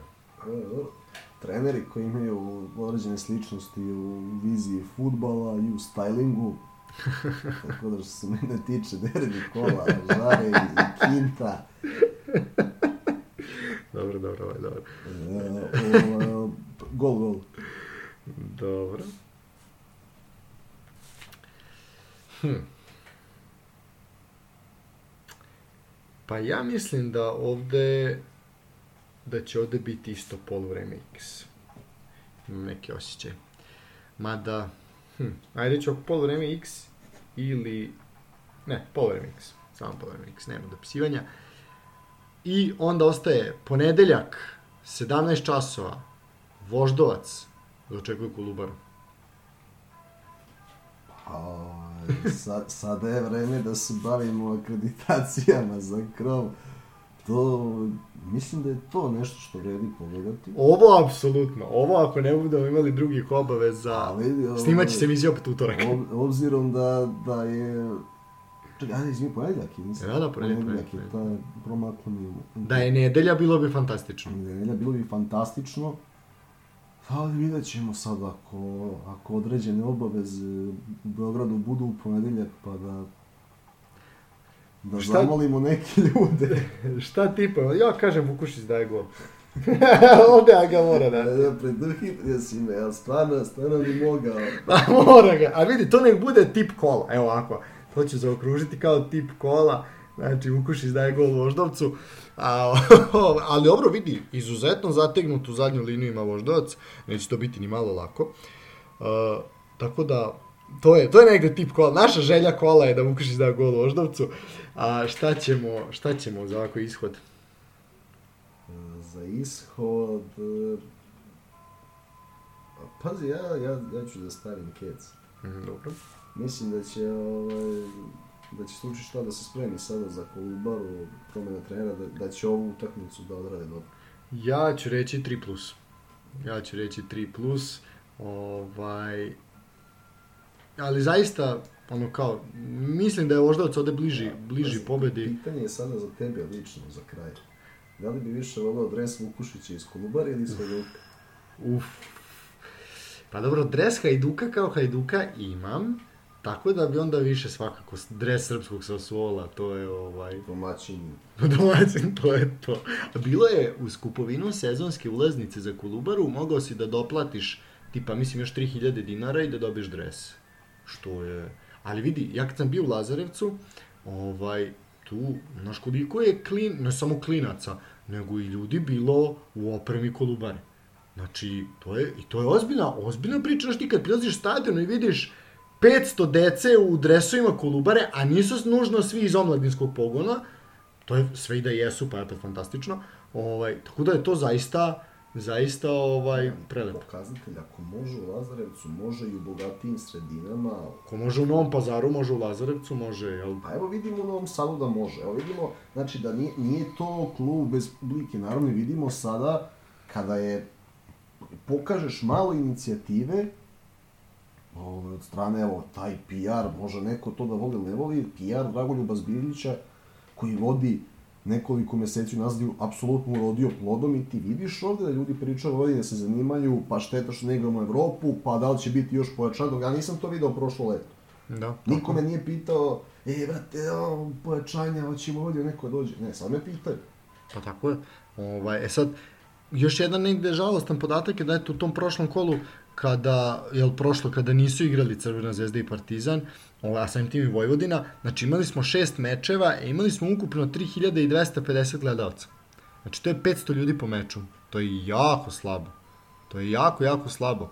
Znači, u prvoj ligi je na 8 mečeva bilo 9, e, 9100 ljudi na tribinama, a samo je na, na meču između Slobode i Mačve u Užicu, pošto je to je bio prvi za Užičane na njihovom terenu, bilo ovaj ukupno ljudi kao na ostalih, kao na ovaj, svim, svim, svih šest utakmica Superligi, znači bilo je preko 3000 ljudi. Tako da, to je jedan žalostan, žalostan podatak što se tiče te, te, ovaj, te posete, ali mi je drago što velika većina klubova radi na tome, radi da pozove navijače i animira navijače preko društvenih mreža i simpatizere klubova i ljude koji samo vole futbol da dođu na svoj u stadion u svom gradu i da posete utakmicu i da uživaju u fudbalskoj predstavi jer zaista ima tu ima u čemu da se ima u čemu da se uživa i treba iskoristiti još uvijek lepo vreme dok je dođete na stadion. Sad zvučim kao Željko Pantic, samo ga vičemo dođite na stadion. ovaj, ali Ali on je to prestao da govori, bavi se čovjek odmah drugim temama. ovaj, To je, to je bilo u začetku svoje vremeno, čak možda nije bila ni loša namjera, a sad što se to pretvorilo ne bih Da, ne, ne, sigurno završit ćemo lepo. I eto, meni to nije jasno, jer stvarno, ovaj, znaš kako, sigurno vreme odigravanja tih utakmica, set, pazi, koliko, koliko može koštati karta i to, to, toliko ćeš pojesti, popiti, sede po kladionicama, gde isto ta utakmica na ekranu gde komentarišu ili kako nešto ne vadi, ili je odigravaju uživo klađu, pa idi čoveče, gledaj, pa i ako se gleda je, pa ovaj, kad vidiš uživo nešto, možda dobiješ, ovaj, imaš aplikaciju svakako na telefonu, pa odigra ako primetiš neki detalj, ali dođi na stadion, što ćeš popiti dva piva u kladionici, toliko je i karta. Pa da, mislim manje. manje. Da. Tako da, uvek sam za to da se ide, pa onda tek kad izađi sa stadiona pa možeš da kritikuješ nešto. Tako je, ono što je, eto i sa čim bih ja završio, a to je uh, nedeljom, u nedelju će biti utakmica uh, lige, uh, kvalifikacije za ligu šampiona između uh, s, uh, jel, Subotički Spartak će igrati ovaj, u Subotici, uh, tako da, uh, sad ću reći tačno kada je, u kom terminu je utakmica, samo jednu sekundu da nađem. Ehehe, da, da. Da ne zamere gledalci ovde smo limitirani. A, sa prostorom, sa svim sve me limitira trenutno. Tako Sad ćemo da. naći. Ali, ali ovo, ja pozivam eto, na jedno razumevanje da, pošto svaka priča može da se okrene, tako neka okrenemo to da smo uprkos Tako je. okolnostima odlučili da radimo i da se sluša bilo šta, pa eto, neka gledaju iz tog ugla, odnosno, slušaju. Da. Evo ovako. Kako naše drage dame stoje? Evo ovako, znači igra se između uh, to je sad onaj kao mali mali ovaj kvalifikacioni turnir ili kako se to doćemo da nazovemo. Znači tako igraju uh, SK Bran iz, iz Norveške i ovaj neki Alga Spor, ovaj, to je Gaziantep Turska. Znači oni će igrati uh, u Bačkoj Topoli, a onda bi sad tu trebalo da vidimo i kako igra, kad igra Spartak. Spartak će vjerojatno igrati sa boljim iz tog duela, koliko sam ja shvatio. Možda da, sam da, sad... Shvatio isto, uglavnom, eto, da. po, poziv za podršku. U nedelju, ovi igraju 18. Znači 18. je šta? Četvrtak, da? A onda će Spartak igrati u nedelju od 19 časova na, na svom terenu. Tako da, Ako smo nešto i promašili, ispravit ćemo se, ali mislim da je... Čim god podržite dame i to je da. jedno, prikazuju dobar futbal, odskaču od domaće lige, pokušavaju da urade nešto u Evropi, pa eto. Tako je, i eto, put, put Subotice se uputite, zaista je, zaista je vredno, jer Spartak je ono što je najkvalitetnije, najkvalitetnije u našoj, u našoj ligi. Tako je da, Spartak čeka pobednika prve polufinalne utakmice, Ovi igraju u četvrtak od 17 časova, eto čak će ulaz na istočnu tribinu TSC arene biti besplatan, što je lepo, a onda znači će Spartak odigrati, odigrati u nedelju svoju utakmicu, tako da eto ipak smo se izvukli ovaj, rekli smo sve tačno. Šalimo se naravno, opet kažem, ljudi, hvala na slušanju dok smo ovim ilegalnim danima, nadam se da će se u narednim nedeljama vratiti sve u normalu. A, izvinjamo se što je ovo definitivno tehnički najloše urađen. Ali, eto, podcast, ali smo uradili. 95. epizodu sportskog pozdrava nazovemo ko hoće, nađe način. Tako je.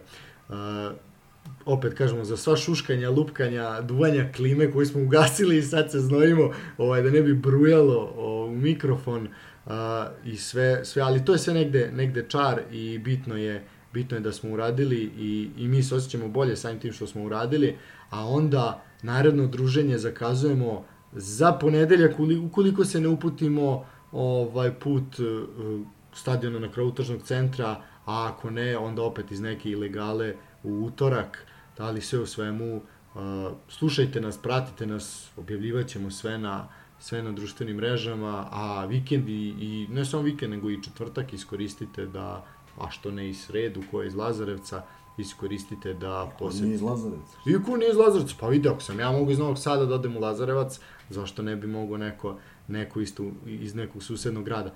Ljudi, podržite svoje lokalne ekipe, ali podržite i sportski pozdrav, pišite nam, komentarišite, hvala za sva javljanja, kažem hvala na vernosti i ovakvim danima, a mi ćemo se onda javiti naredne nedelje.